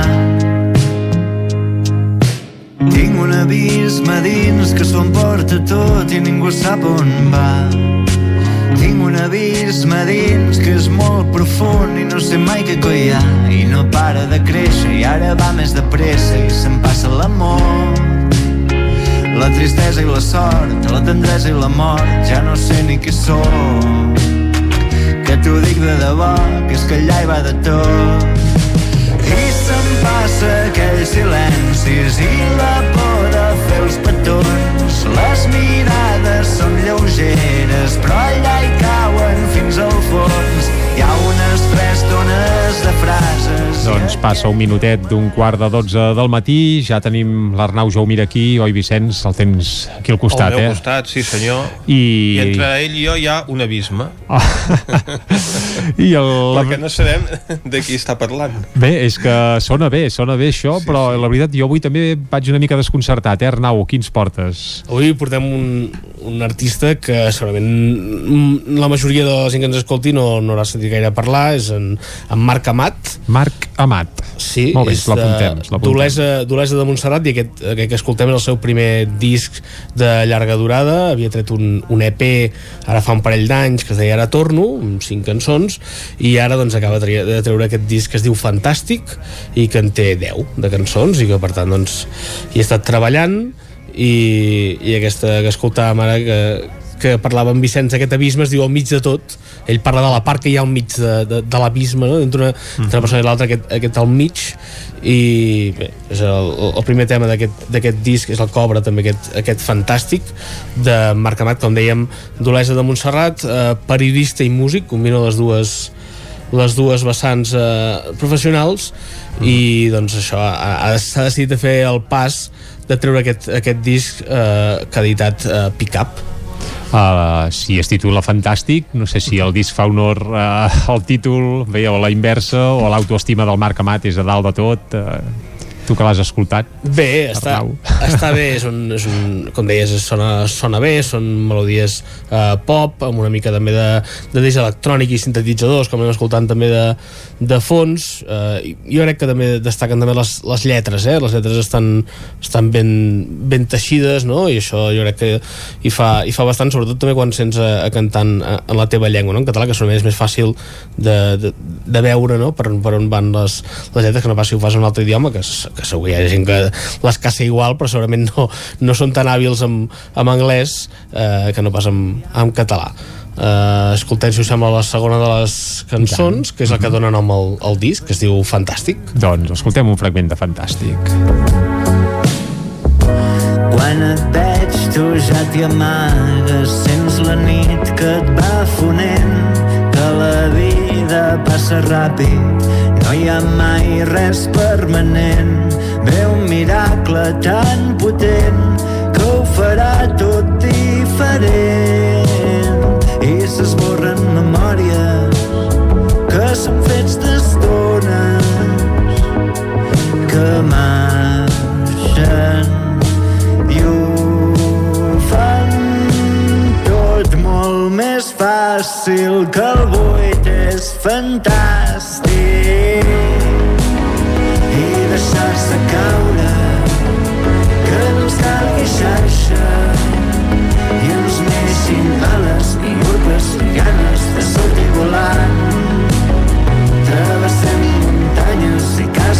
boscos que vaig aquí a dalt que baixa fa dies que està ple de vides volem escapar i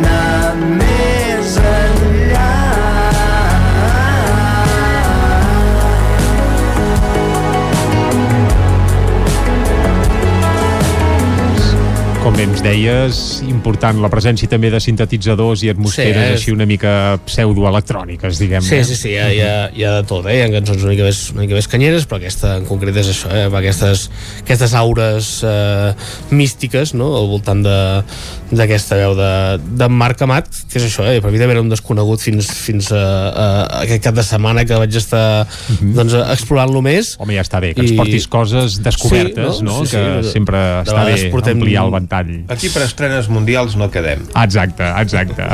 de vegades portem gent molt descon mai molt coneguda doncs també va bé portar l'altre extrem no? de gent desconeguda eh, Marc Amat que en aquest disc eh, s'ha acompanyat de Dani Ferrer eh, teclista de Love of Lesbian Clar, també un fet alguna, ja, eh, també ha aquest. fet alguna cosa amb Paula Valls diria, l'havia acompanyat en algun i en aquest cas li ha fet la, la producció eh? i és el que segurament l'ha ajudat en, aquest, en aquesta eh, sonoritat que escoltem en aquest, en aquest disc que com dèiem és això, eh? una, un, una música pop però banyada amb aquesta amb aquesta aura eh, podem escoltar o potser dissabte que també és una altra de les cançons d'aquest disc i que també doncs, uh, va, va increixendo. Doncs escoltem-la.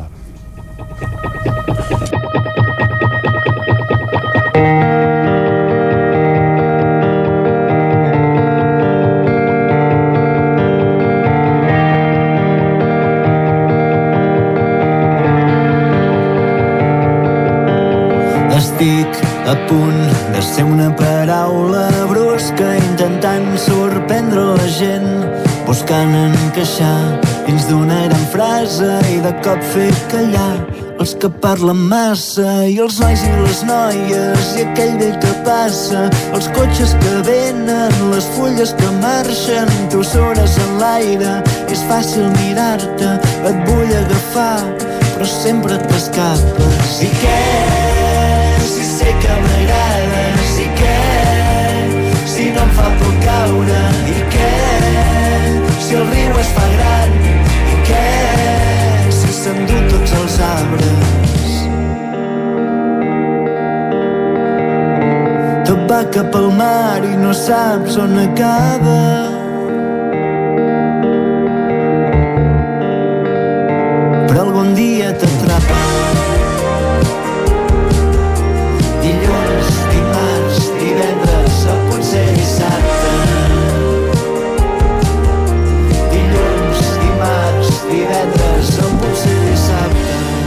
quin és el millor dia per escoltar aquest disc. De moment ho fem en dilluns, eh, nosaltres.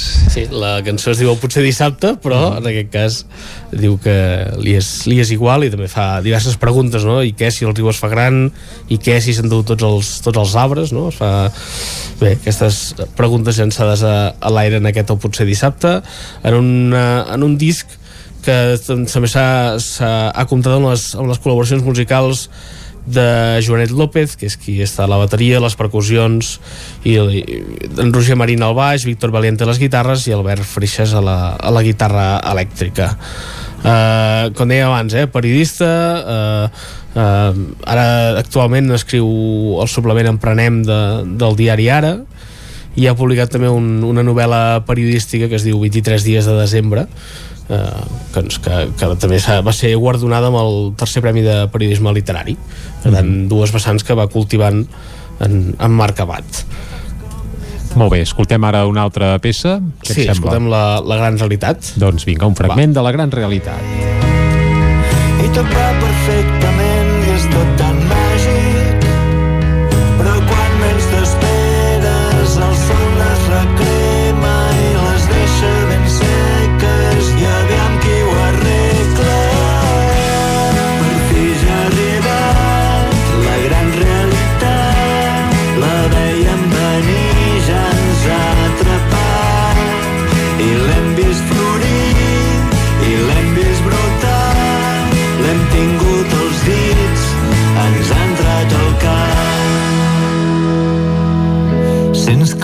món gira al revés que el que ara veus potser no hi és. I aquí ja no hi creix mai res. Semblava fals i ara és tot cert que tot anava força bé i era tot fàcil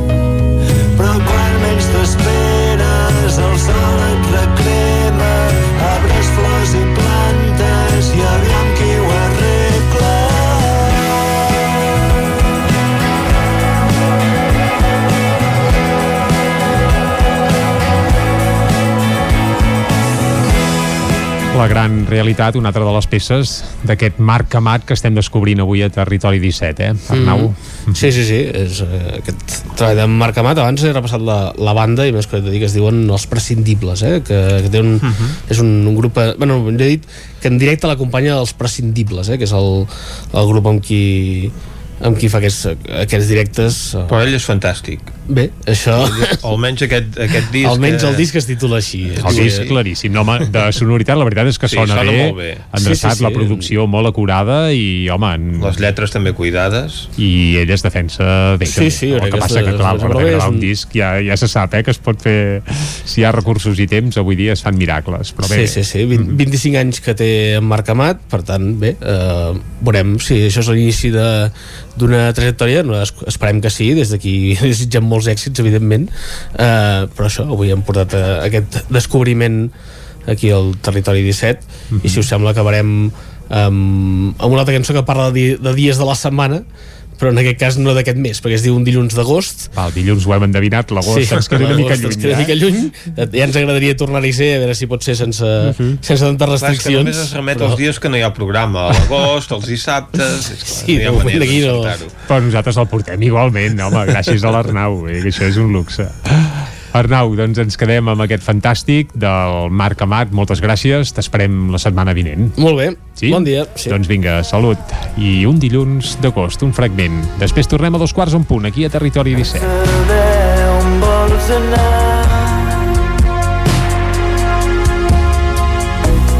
Saber entendre que és més dur que treure un disc o creure en tu o anar al gimnàs o saber on som o fer l'amor sense soroll saber entendre que hauria de ser tot un esport o jo que sé Territori 17. El 9 FM, la ràdio de casa, al 92.8. Tens 20.000 motius per comprar centelles i és que aquest Nadal repartim 20.000 euros en vals i premis. Només has de demanar la targeta de participació a qualsevol establiment comercial i de serveis de centelles i segellar quatre establiments diferents. Aquest Nadal comprar centelles té premi. Més informació a centelles.cat. L'Auditori Teatre de Call d'Atenes presenta 36 més 1, amb Maria Pla i Inútils Mots. El 12 de desembre a les 9 del vespre, 36 més 1, a l'Auditori Teatre de Call d'Atenes. Cocodril Club. Si t'agrada la bona música dels anys 60, 70 i 80, escolta el 9 FM els matins de dissabtes i diumenges d'11 a 1. És el temps del Cocodril Club, tot un clàssic de la ràdio, amb les bases del pop-rock, les llegendes, les cançons que s'han convertit en autèntics himnes. Recorda, dissabtes i diumenges al matí, d'11 a 1, al 9 FM 92.8. Cocodril Club, el programa revival de l'Albert Malla. Hasta luego, cocodrilo. Cobertes serveis funeraris. Els nostres tanatoris estan ubicats en els nuclis urbans més poblats de la comarca d'Osona per oferir un millor servei. Tanatori de Vic, Tanatori de Manlleu, Tanatori de Centelles i Tanatori de Roda de Ter. Sabem que són moments difícils i per això el nostre compromís és atendre-us en tot moment amb un tracte humà, sensible i respectuós. Cobertes serveis funeraris. Telèfon 24 hores 93 883 23 46. Anuncia't al 9FM. La màquina de casa. 9 3 8 8 9 4 9 4 9. Publicitat arroba al 9FM.cat. Anuncia't al 9FM. La publicitat més eficaç. No em trec la imatge dels nens amb cara de velocitat baixant per la pista vermella. Sí, molt divertit. I quin fred. Uh. Tranquil·la, he deixat l'estufa encesa i la casa està calenta. Sempre tenim sort de comptar amb Corretja. Són especialistes en aïllaments i estufes. Acabar la jornada d'esquí amb la família al voltant de l'estufa i amb aïllaments de primera és 100% corretja. Corretja. Tot i més a corretja-sl.com. Cocole. Bijuteria, rellotges, bosses de mà, moneders, mocadors i molts més articles per regalar aquest Nadal. Passeja per la nostra botiga i trobaràs marques com P de Paola, Olivia Barton, Mishki i les Georgets, entre moltes altres. Vine a Cocole. T'encantarà. Som al carrer Sant Vicenç de Vic. Telèfon 93 886 0267. Cocole us desitja unes bones festes. El 9 FM, la ràdio de casa, al 92.8.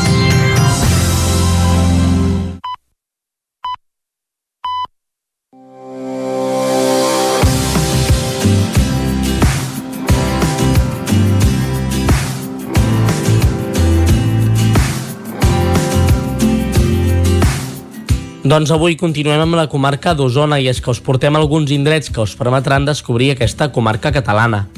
La comarca d'Osona està situada al centre de Catalunya i està formada per 50 municipis.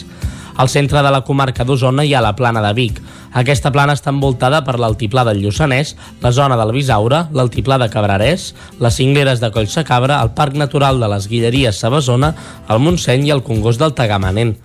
A la comarca d'Osona hi podeu trobar una gran diversitat natural, des de grans fagedes fins a grans pinedes. A més, en aquesta comarca hi passen un gran nombre de rius i rieres, sent el riu Ter el més important. Aquest paisatge natural fa que els productes alimentaris siguin espectaculars. El més destacat segurament és l'embotit, però també hi podeu trobar una gran varietat d'altres productes de gran qualitat. Aquest fet fa que la restauració d'aquesta comarca sigui d'una gran qualitat. Però Osona també és una comarca amb una gran riquesa patrimonial. Entre els seus pobles hi podeu trobar una gran varietat d'indrets patrimonials de gran importància. Hi podeu descobrir des de jaciments arqueològics fins a testimonis de diferents corrents arquitectònics. Si no sabeu què visitar a la comarca d'Osona, a continuació us fem una proposta. L'església de Sant Andreu de Llanars es troba al costat de la masia a la vila de Llanars, dins el terme municipal de Prats de Lluçanès.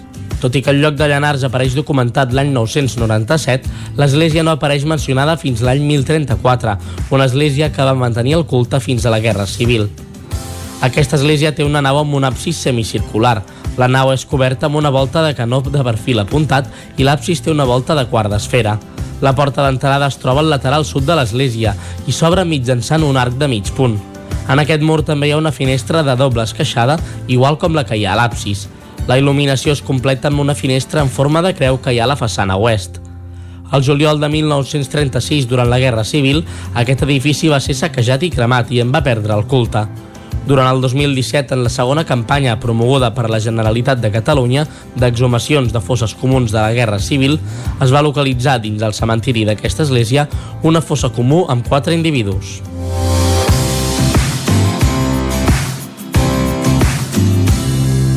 Territori 17. Doncs el Descobrint Catalunya, que aquests últims dies ens porta al costat de casa, si més no al costat d'on tenim els estudis d'aquí al 9 FM, eh? Ah, exacte. Tot i que Prats no sé si es considerarà molt d'Osona o com que consideren que el Lluçanès és comarca, doncs ja... Bé, aqu aquests dies, si, el dia que torni el confinament comarcal, de moment estem en el municipal de cap de setmana, entre setmana podem anar per tot el Principat, potser alguns lluçanesos agraeixen no acabar de ser comarca, potser, eh? Quan...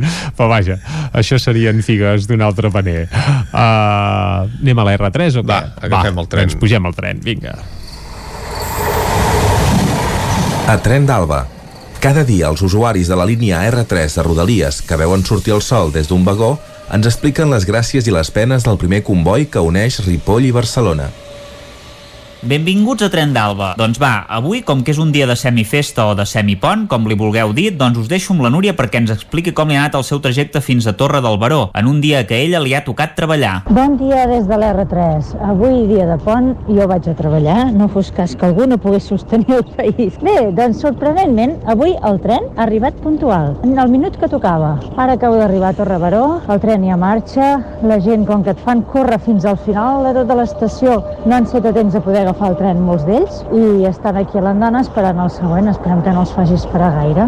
El viatge ha anat bé, eh, hi havia poca gent, ja ho sabia, tot i així han posat un tren llarg, quina sorpresa, un dia que no feia falta. A partir d'aquí a les estacions ha anat entrant algú, he estat acompanyada d'un senyor àrab amb pell molt fosca que portava la mascareta d'accessori, suposo que decoratiu per tapar la barbeta. Ha estat tota l'estona enviant àudios de WhatsApp al seu mòbil. Mentre feia això també agafava com una mena de rosari i anava, no sé si resant, perquè a mi em semblava que donava indicacions per arribar a algun lloc. No sé. Tot plegat era molt desagradable perquè cridava molt. A Mollet l'estació, el pàrquing segueix tancat, cada vegada hi ha més merda, més runes i més trastos vells. Podria pensar que això és perquè estan fent algun tipus d'obra, però jo no veig cap moviment, a part de moltes màquines sempre parades, quan passo jo, potser comencen més tard. A Santa Perpètua han arribat dues noies que també portaven la mascareta d'accessori de la barba. No fos cas que no poguessin veure que ben maquillades que anaven i que guapes que eren. També parlaven amb un to de veu més alt del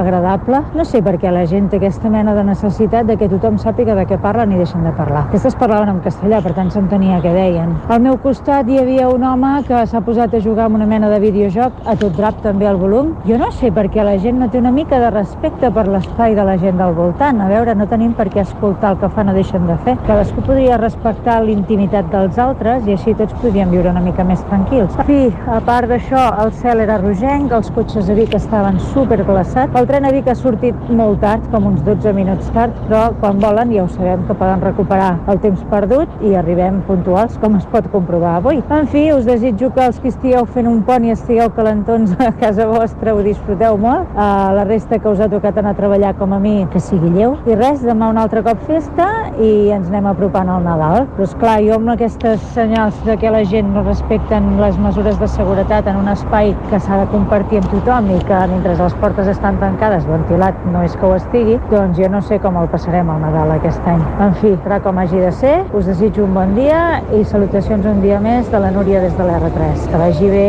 adeu-siau. Doncs la gent hauria d'aprendre a estar en silenci durant aquests trajectes, ja que està prohibit xerrar teòricament, tot i que no sé si ho avisen per megafonia com tocaria, ja que com sabeu a moltes estacions no funciona. I si això li sumes a que hi ha gent que no respecta de les normes, doncs passa el que passa. Va, ens retrobem dimecres i recordeu que ja portem un retard acumulat de 6 hores i 46 minuts des de l'inici d'aquest mes de setembre. Territori 17.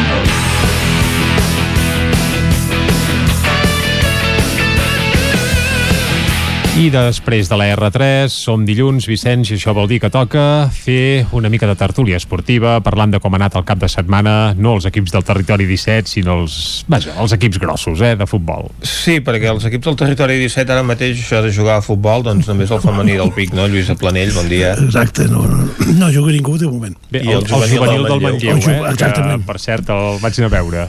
Que va empatar 3 a 3, no? No, a 2 a 2. 2 a 2. Sí. Hem dominat la meitat. Molt bé. això, això no és gaire bona, no és gaire bona senyal eh, és bona senyal això eh, que, el, que el Vic femení estigui jugant que el, que el Manlleu juvenil també però demostra que en, en el territori El Granollers també, a tercera ah, divisió. és veritat, el, el Granollers però vull dir que la comarca no, eh, trobem a faltar un, un equip que, que estigui una mica més, més amunt eh? Bé, eh, són competicions que organitza la Federació Espanyola, els, els que juguen, i per tant, esclar, en els de la Federació Catalana no és pas voluntat de la Federació Catalana, perquè ja estaria jugant tothom. Uh -huh, uh -huh. Però, esclar, amb la situació actual, si no et pots moure, per exemple, del municipi durant el cap de setmana, eh, el Vic que té un, un partit pendent amb el Tona, doncs no hi podria anar. I jo crec que no es jugarà eh? que trigarem molt a, a jugar eh? perquè es deia a finals de, es deia a principis de gener jo crec que ara amb la fase aquesta que no hem passat ja ens n'anem a finals Ja parlen de l'últim cap de setmana de gener tornar a començar. El que passa que tampoc sabem quan estarem pel mes de gener. Clar, sembla que l'onada, no? Vull dir que, eh, bé, es diu això. Fa de mal preveure. Sí, és, durillo. és molt difícil perquè si ve la, La tercera la, onada, la, la tercera onada, vull dir que llavors ens, quedarem, ens quedarem tots a casa i ja està. Eh, llavors tampoc volen jugar a porta tancada perquè esclar, els equips venen tires. Mm -hmm. pel, pel pernil i fan cèntims per pagar l'àrbit si és a porta tancada doncs no es pot fer és molt complicat, molt, molt, molt vull dir que haurem de parlar del Barça No hi ha més remei, no? Que parlar del Barça. També veurem si es fan o no es fan les eleccions de la presidència del Futbol Club Barcelona o què acaba passant eh, a conseqüència d'aquesta situació epidemiològica, aquestes eleccions, les eleccions al Parlament, etc etc etc. Ara mateix ningú és capaç de fer previsions de cara al 2021. és un, una agonia, no? jo crec una mica a, a nivell institucional perquè, i, i que s'encomana la part esportiva jo fins i tot diria perquè el que dèiem, eh, el, el projecte tremola per, per tot arreu eh, tenim una plantilla amb els referents eh, desgastats amb jugadors joves que no s'hi troben còmodes eh, en la situació en què eh, s'han de poder desenvolupar i, i créixer i jo crec que és una temporada de- d'agonia, que pot sonar la flauta i, no sé, a la Copa del Rei guanyar-la, o la Champions... És que el Barça té dues cares, no? Sí. Una a Europa i l'altra a Espanya. De moment, a la Champions ha funcionat en els partits que ha anat jugant. També és veritat que amb un grup, no?, que, ah, és que hi ha un de la nivell, eh? Juventus eh, la cosa, diguem, era molt assequible i a la Lliga, Mhm. tot i que també contra equips assequibles, no, no ha sabut fer la feina i la imatge d'aquest eh, dissabte és que és lamentable. Eh, no, no pot ser que el Cádiz eh, et marqui dos gols. És que, eh, aquesta frase hauria de ser notícia. que el Cádiz en marqui dos Home, gols. si n'hi regales un, és fàcil que te'n marqui dos. A més, en aquesta, en aquest, en, de la manera com... Un i mig, el regala. Com van ser, vull dir, és que és, és, és terrible. I que llavors tu, amb, amb tot el que tens a, a davant i, i els jugadors que tens, no siguis capaç de marcar uh, un gol, perquè el gol del Cádiz se'l fa l'Alcalà, que, que porta anys i panys marcant-se gols en pròpia porteria allà on juga, perquè el Girona també se'n va fer un fart. Vull dir, no sé, és, és tot plegat per, per deixar de, quasi bé de, de, de mirar futbol perquè acabes emprenyat i, i malament. I, I llavors hi ha una altra, que és la, la, la pressió sobre aquests jugadors. Uh, vull dir, la, la dificultat d'un futbolista de primeríssim nivell amb la millonada que, que cobren, segurament en aquesta exposició pública de, dels dies de partit, de, que si les coses anaven bé, uh, doncs els aplaudien, o si les coses anaven malament, hi havia una xiulada, una mocadurada, i, i notaven aquesta exposició pública, aquesta pressió. Ara ni això, és que els jugadors del Barça mm, van fer llàstima i no rebran cap mena d'input no, extern que els hi... Bueno, no sé, els mitjans de, de comunicació sí, però, ja ocupat, eh? i, tam, i, tam, però també ja en saben d'aïllar-se eh? i de, que els hi rellisqui bastant el que s'escriuen als diaris, el que se sent a les, a les televisions en, en molts d'ells i que no hi hagi també aquesta exposició pública hosti, jo trobo que, que encara ajuda més a fer la bola, la bola més gran i, i la Lliga és que esclar, amb 12 punts no? són amb, amb l'Atlético de Madrid és, és, és, són molts i no sé, això, aquesta agonia que veurem si es comença a redreçar amb, amb unes eleccions que, que permetin començar a posar els fonaments, és que si no... Uh -huh. On tampoc estan gaire per tirar coetges a Madrid, no, Isaac Muntades? Bon dia. De, est, eh, bon dia, estem, estem millor que, que Barcelona, sí. en tot cas, perquè aquest A la Lliga, sí. Vam... Sí, i a la Champions estem vius i podem passar primers de grup si guanyem el nostre partit i, i l'Inter guanya el Shakhtar. Vull dir que realment passarà, al final i, i ara, ara imagineu-vos eh, el Madrid fent una fase de grups diguem... Sí, dolenta. No, no, no, dolenta, és que anava a dir pèssima però, però s'han guanyat els dos partits amb s'han guanyat els dos partits amb l'Inter i llavors ja no és tan dolenta no? però fent una mica dos molts mals partits contra el Shakhtar doncs pot classificar-se primer i ara imagineu-vos que el Barça per alguna casualitat de la vida perd el Camp Nou 0-3 contra la Juventus i queda segon de grup, que també podria ser després de fer una, una fase de grups eh, bona. Per tant, eh, bé, el Madrid està viu a la Champions, a la Lliga ja ho veieu, juga millor contra els equips eh, bons, diguéssim, contra els de dalt, eh, acaba fent millor millor paper que contra els que teòricament són més assequibles, per tant amb això realment estic tranquil perquè aquest cap de setmana que ve juguem contra l'Ètic de Madrid, uh -huh. que és el líder per tant és victòria segura perquè és, evidentment, és, és això que us dic no? contra els equips de dalt i, o en els partits de vida o mort decisius en què no pots fallar, doncs guanyem. I després no sé qui toca, suposo que deu tocar un equip fàcil, doncs tocarà perdre perquè evidentment s'ha d'anar perdent de tant en tant. I bé, una lliga doncs per, per intentar classificar-se per la Champions que aquest és l'objectiu aquest any veient una mica com estan les coses. No, no, però I... és veritat això, eh? però, però, ja us ho vaig dir, de fet jo animo totalment la Real Societat en aquesta lliga ja excepte que el Madrid guanyi 10 partits consecutius llavors ja em replantejaré a qui animo no? però de moment eh, el Madrid va, va fent a poc a poc eh, va recuperant doncs, alguns jugadors sembla ser que Sergio Ramos podrà jugar a la Champions que és un dels jugadors importants que Vinícius continua tinguent la potra de fer gols eh, de rebot. Per tant amb, amb, això, amb això anem bé. I, i que l'equip almenys en l'últim partit va recuperar la solidesa defensiva que també és una bona notícia. Uh, i el Barça no que ja ho vam veure que, que es, es deixa fer gols uh, estúpids. Em va recordar una mica, no, no exactament això, però va recordar una mica el de Liverpool, el corn aquell de Liverpool.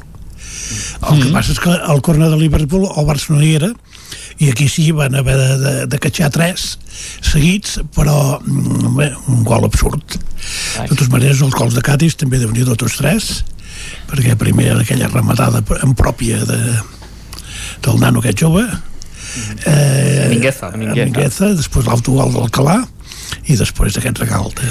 per això és que en un, en un mar de despropòsits no, eh, el Barça va acabar eh, sortint eh, perdedor. I avui veia per exemple un, un vídeo del recull dels partits on el Barça ha perdut punts els gols que han queixat. I és que està ple de, de jugades eh, eh, tontes, absurdes, de falta d'atenció d'errades de, de, del porter al control amb els peus. Vull dir que és una mica l'exemple visual del que està sent la temporada no? De, totes maneres, continuo amb el, amb el meu argument de que això és per falta de públic. Perquè el jugador s'anima tant si el públic li va a favor, com passa a casa, com eh, si el públic li va en contra. O sigui que, que el, els, els, els ànims al contrari, el, fins i tot els insults que rep el, el, el propi jugador, no deixen de ser un estímul, formen part del futbol. I això ha desaparegut, aquest escenari no existeix. I per tant, jo penso que això eh, condiciona el rendiment del jugador. El jugador baixa, eh, abaixa el pistó perquè no, no se sent pressionat per cap dels elements que té durant eh, tota la seva vida esportiva. Sí, sí. Perquè fins i tot eh, quan, quan arribes a juvenil hi ha una, una certa tensió a la graderia mm. i ja no parlem doncs, a la que ets professional. I jo penso que, que, que això passa. A Sevilla per exemple doncs quan, quan marca el, el, el Madrid aquest auto, autogol el, el, el públic es tira a favor de l'equip es llença a pressionar. I, i la reacció de l'equip és diferent a la que van tenir els jugadors en aquells moments. I jo penso que el, el futbol sense eh, el públic és com amb una orquestra sinfònica que, que només hi ha 10, 10 músics i per tant, com que ja només n'hi ha 10 no n'hi ha 50, doncs ja no, no és orquestra sinfònica, vull dir que és, és, és canvia. Mm, sí, i és la idea que, que jo també intentava expressar al, al principi, eh, que jo la faig extensible fins i tot quan s'acaba el, el partit, que el, el futbolista segurament en, eh, després del partit del Barça a Cádiz doncs potser estaria pensant, hosti, um, juguem a casa el proper partit, uh, ens tocarà el crustó al públic, ens hi haurem de fer més, haurem de córrer més, i jo crec que ara hi ha aquesta tranquil·litat de, en la seva bombolla, perquè ells sí que viuen en una bombolla en què no tenen cap tipus de contacte amb els aficionats, ni amb la premsa, ara ja ha arribat un punt que la premsa doncs, és el mateix mitjà del club que, que fa les declaracions i les, les cuina i les passen als, en els uh, mitjans, doncs amb aquesta bombolla no té cap mena de pressió de, de saber uh, que en el seu públic li tocarà el costó, que li retrauran la mala actuació de l'altre dia i segurament també aquesta eh, punta de competitivitat de, de, de voler fer-s'hi més doncs no es notarà tot i haver fet el ridícul en l'últim en l'últim partit però això mm. denota falta de compromís per part d'aquests sí. professionals, no? Però, clar, jo crec que... I tot... no haver-hi jugadors allà al camp com Gerard Piqué que els, eh, els faci sí. creure Sí, i, i que... I el líder d'aquesta orquestra, no, el principal solista, doncs es té el cap a un altre lloc. Sí. Mm. bueno, per, perquè amb el cas de Messi s'ha juntat això, no? que ja era un any complicat eh, en el sentit de que volia marxar, que ja deia que se li havia acabat aquí la situació, mm -hmm. es queda i es troba en aquesta situació per tant un, un motiu més potser per, doncs, per, per jugar desganat o per, per no veure la, la versió de Messi més motivada que també jo crec que va molt de la mà del que diu eh, en, en Lluís, del, del públic de totes maneres, a totes les feines el periodisme també, hi ha gent que ho veu amb més, amb més intensitat sí. i hi ha, hi ha gent que ho viu amb menys Passa. i que quan s'acaba la jornada laboral s'oblida de la feina i, i pensa en altres coses vull dir que això eh, són, són maneres de fer uh -huh. eh, hi, ha, hi ha qui no deixa de, de, de, de ser professional de la cosa que treballa amb, les 24 hores del dia i ja que ja dic, tanca, tanca la persiana i s'ha acabat. Vull dir que això també entenc que pugui passar amb el futbolista, però eh, si a més li falta aquest atractiu eh, en positiu i en negatiu, però aquest atractiu mm, jo penso que jo diria que tant el Barça com el, com el Madrid, aquests dos sobretot, quan juguen el camp està ple, el, el propi potser no tant, però el camp contrari està ple. A Cádiz dissabte no hi hauria cabut ningú, no. segur Uh -huh. I llavors, vull dir, això condiciona i, i l'espectacle és un altre en públic o sense i llavors eh, jo, aviam, a Liverpool sí que està, el camp estava ple i va passar el que va passar sí. eh? però no vull dir que no, no, no vull dir que és el 100% el que condiciona però sí una bona part mm. I, i això de la implicació, esclar, jo ara repassant, anar repassant l'11 del Barça mm, trobar aquesta figura d'implicació total, de, de sentiment, d'esperonar de, els companys, amb l'11 del Barça em ve el cap en, en Busquets, uh mhm. -huh. que és el que va sortir a parlar al final del partit, i en Messi, però és clar, realment s'ha anat perdent també aquesta figura que en, en anys anteriors ens es podia haver representat amb, amb Xavi, amb, amb Puyol amb el mateix Iniesta no? que era un líder, amb Piqué que, que ara està lesionat jugadors així que, que van més enllà de, de, del que és el futbolista estrictament i que són veus pesants a dins el vestidor en Messi, però el que dèiem, eh, que està desconnectat i, i no potser eh, passa d'aquest rol i diu tu, jo ja ho he fet moltes vegades, sempre em dieu que sóc jo el problema i ara no, no, no tornaré a donar la cara. I en Busquets, que m'han agradat Sí. sí. molt les declaracions que va fer, perquè va dir que eh, és, costa més remuntar dos gols que no pas un. Sí, sol, sí, sol. sí, Sol ser pensar així, no? que tenia tota la raó. Sol passar. Que sort, sort que ho va dir. Busquets, Busquets sí que és veritat que com a, a líder a nivell verbal, no sé si canvia molt a dins el vestidor, però a nivell de discurs i de temperament, no? A dins el camp sí que en té molt com a futbolista, però eh, no sé eh, si és un, un gran líder de, de vestidor. Mm, aviam, ens agafem a la Champions és que si es poden recuperar aquestes bones sensacions també s'encomanin a la Lliga. Passàvem aquest període de partits en què en teoria eren assequibles.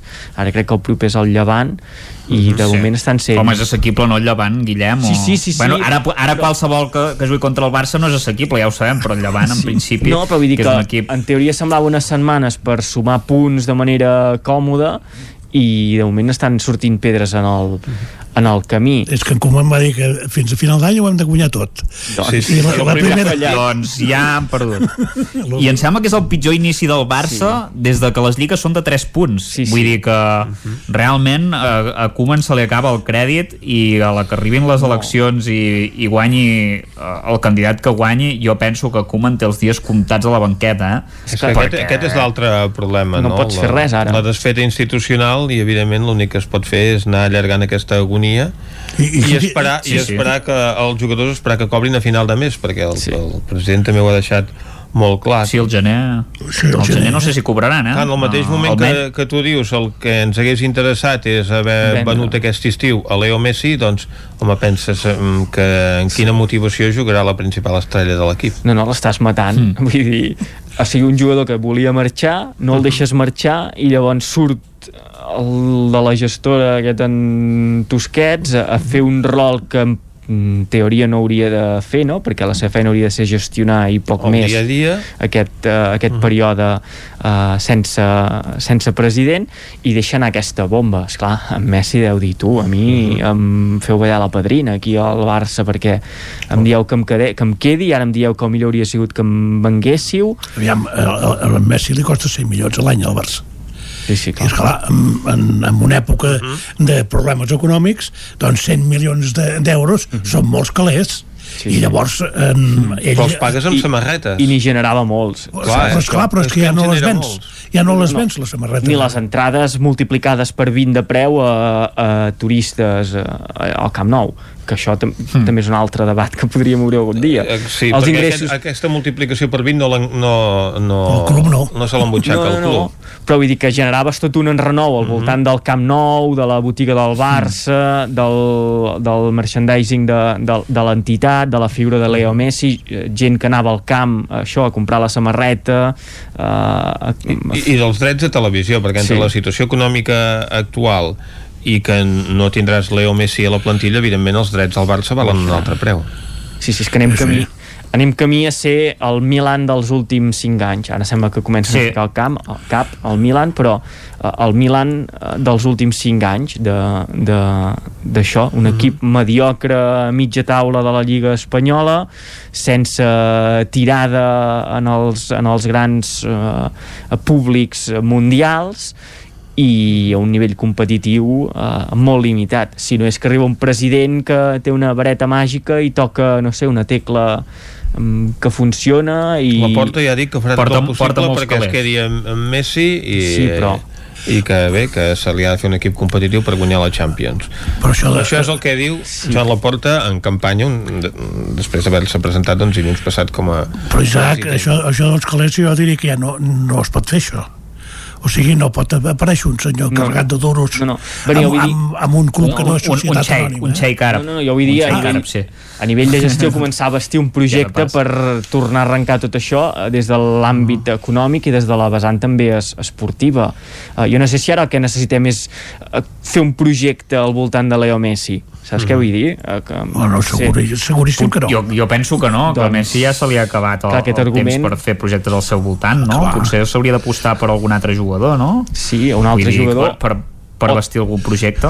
o trobar la manera que Leo Messi entengui que el seu rol ha de ser el de, el de transició que mm, continuarà sent l'estrella, la referència de l'equip però amb un amb un Sí, jugar a la segona el paper que dir. té ara, no? de no jugar sempre. sí, no jugar sempre però, Sí, però no hi és, sí. Però es, uh, diguem feliç. O sigui, que, que estigui que sí.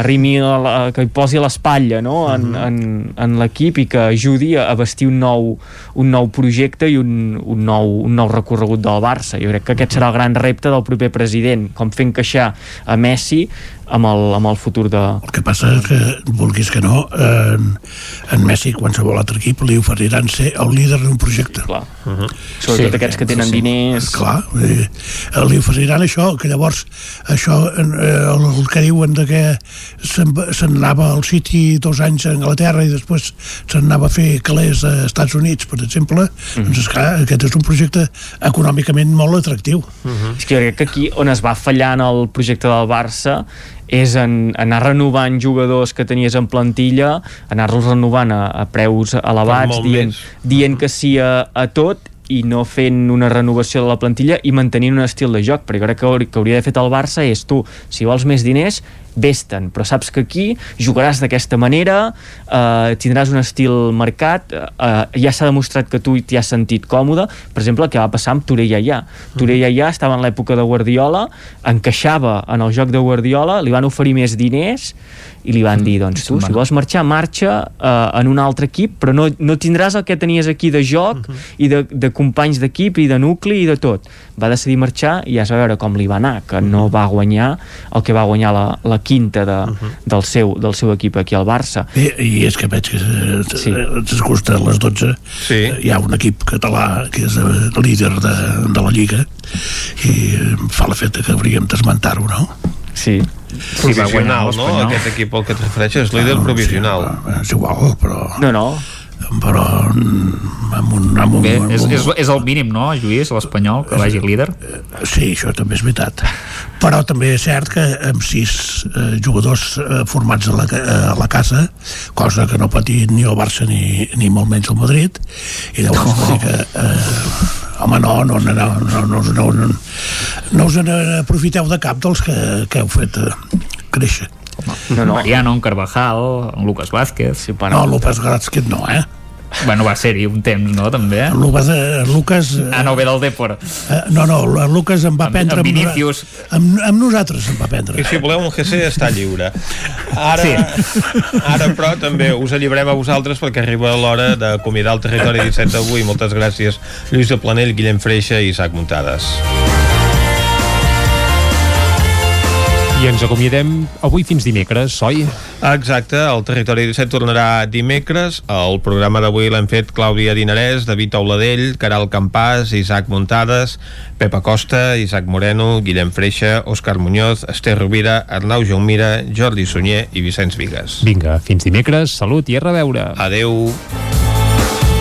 Territori 17, un magazín del nou FM. La veu de Sant Joan, Ona Codinenca i Ràdio Cardedeu amb el suport de la xarxa. El nou FM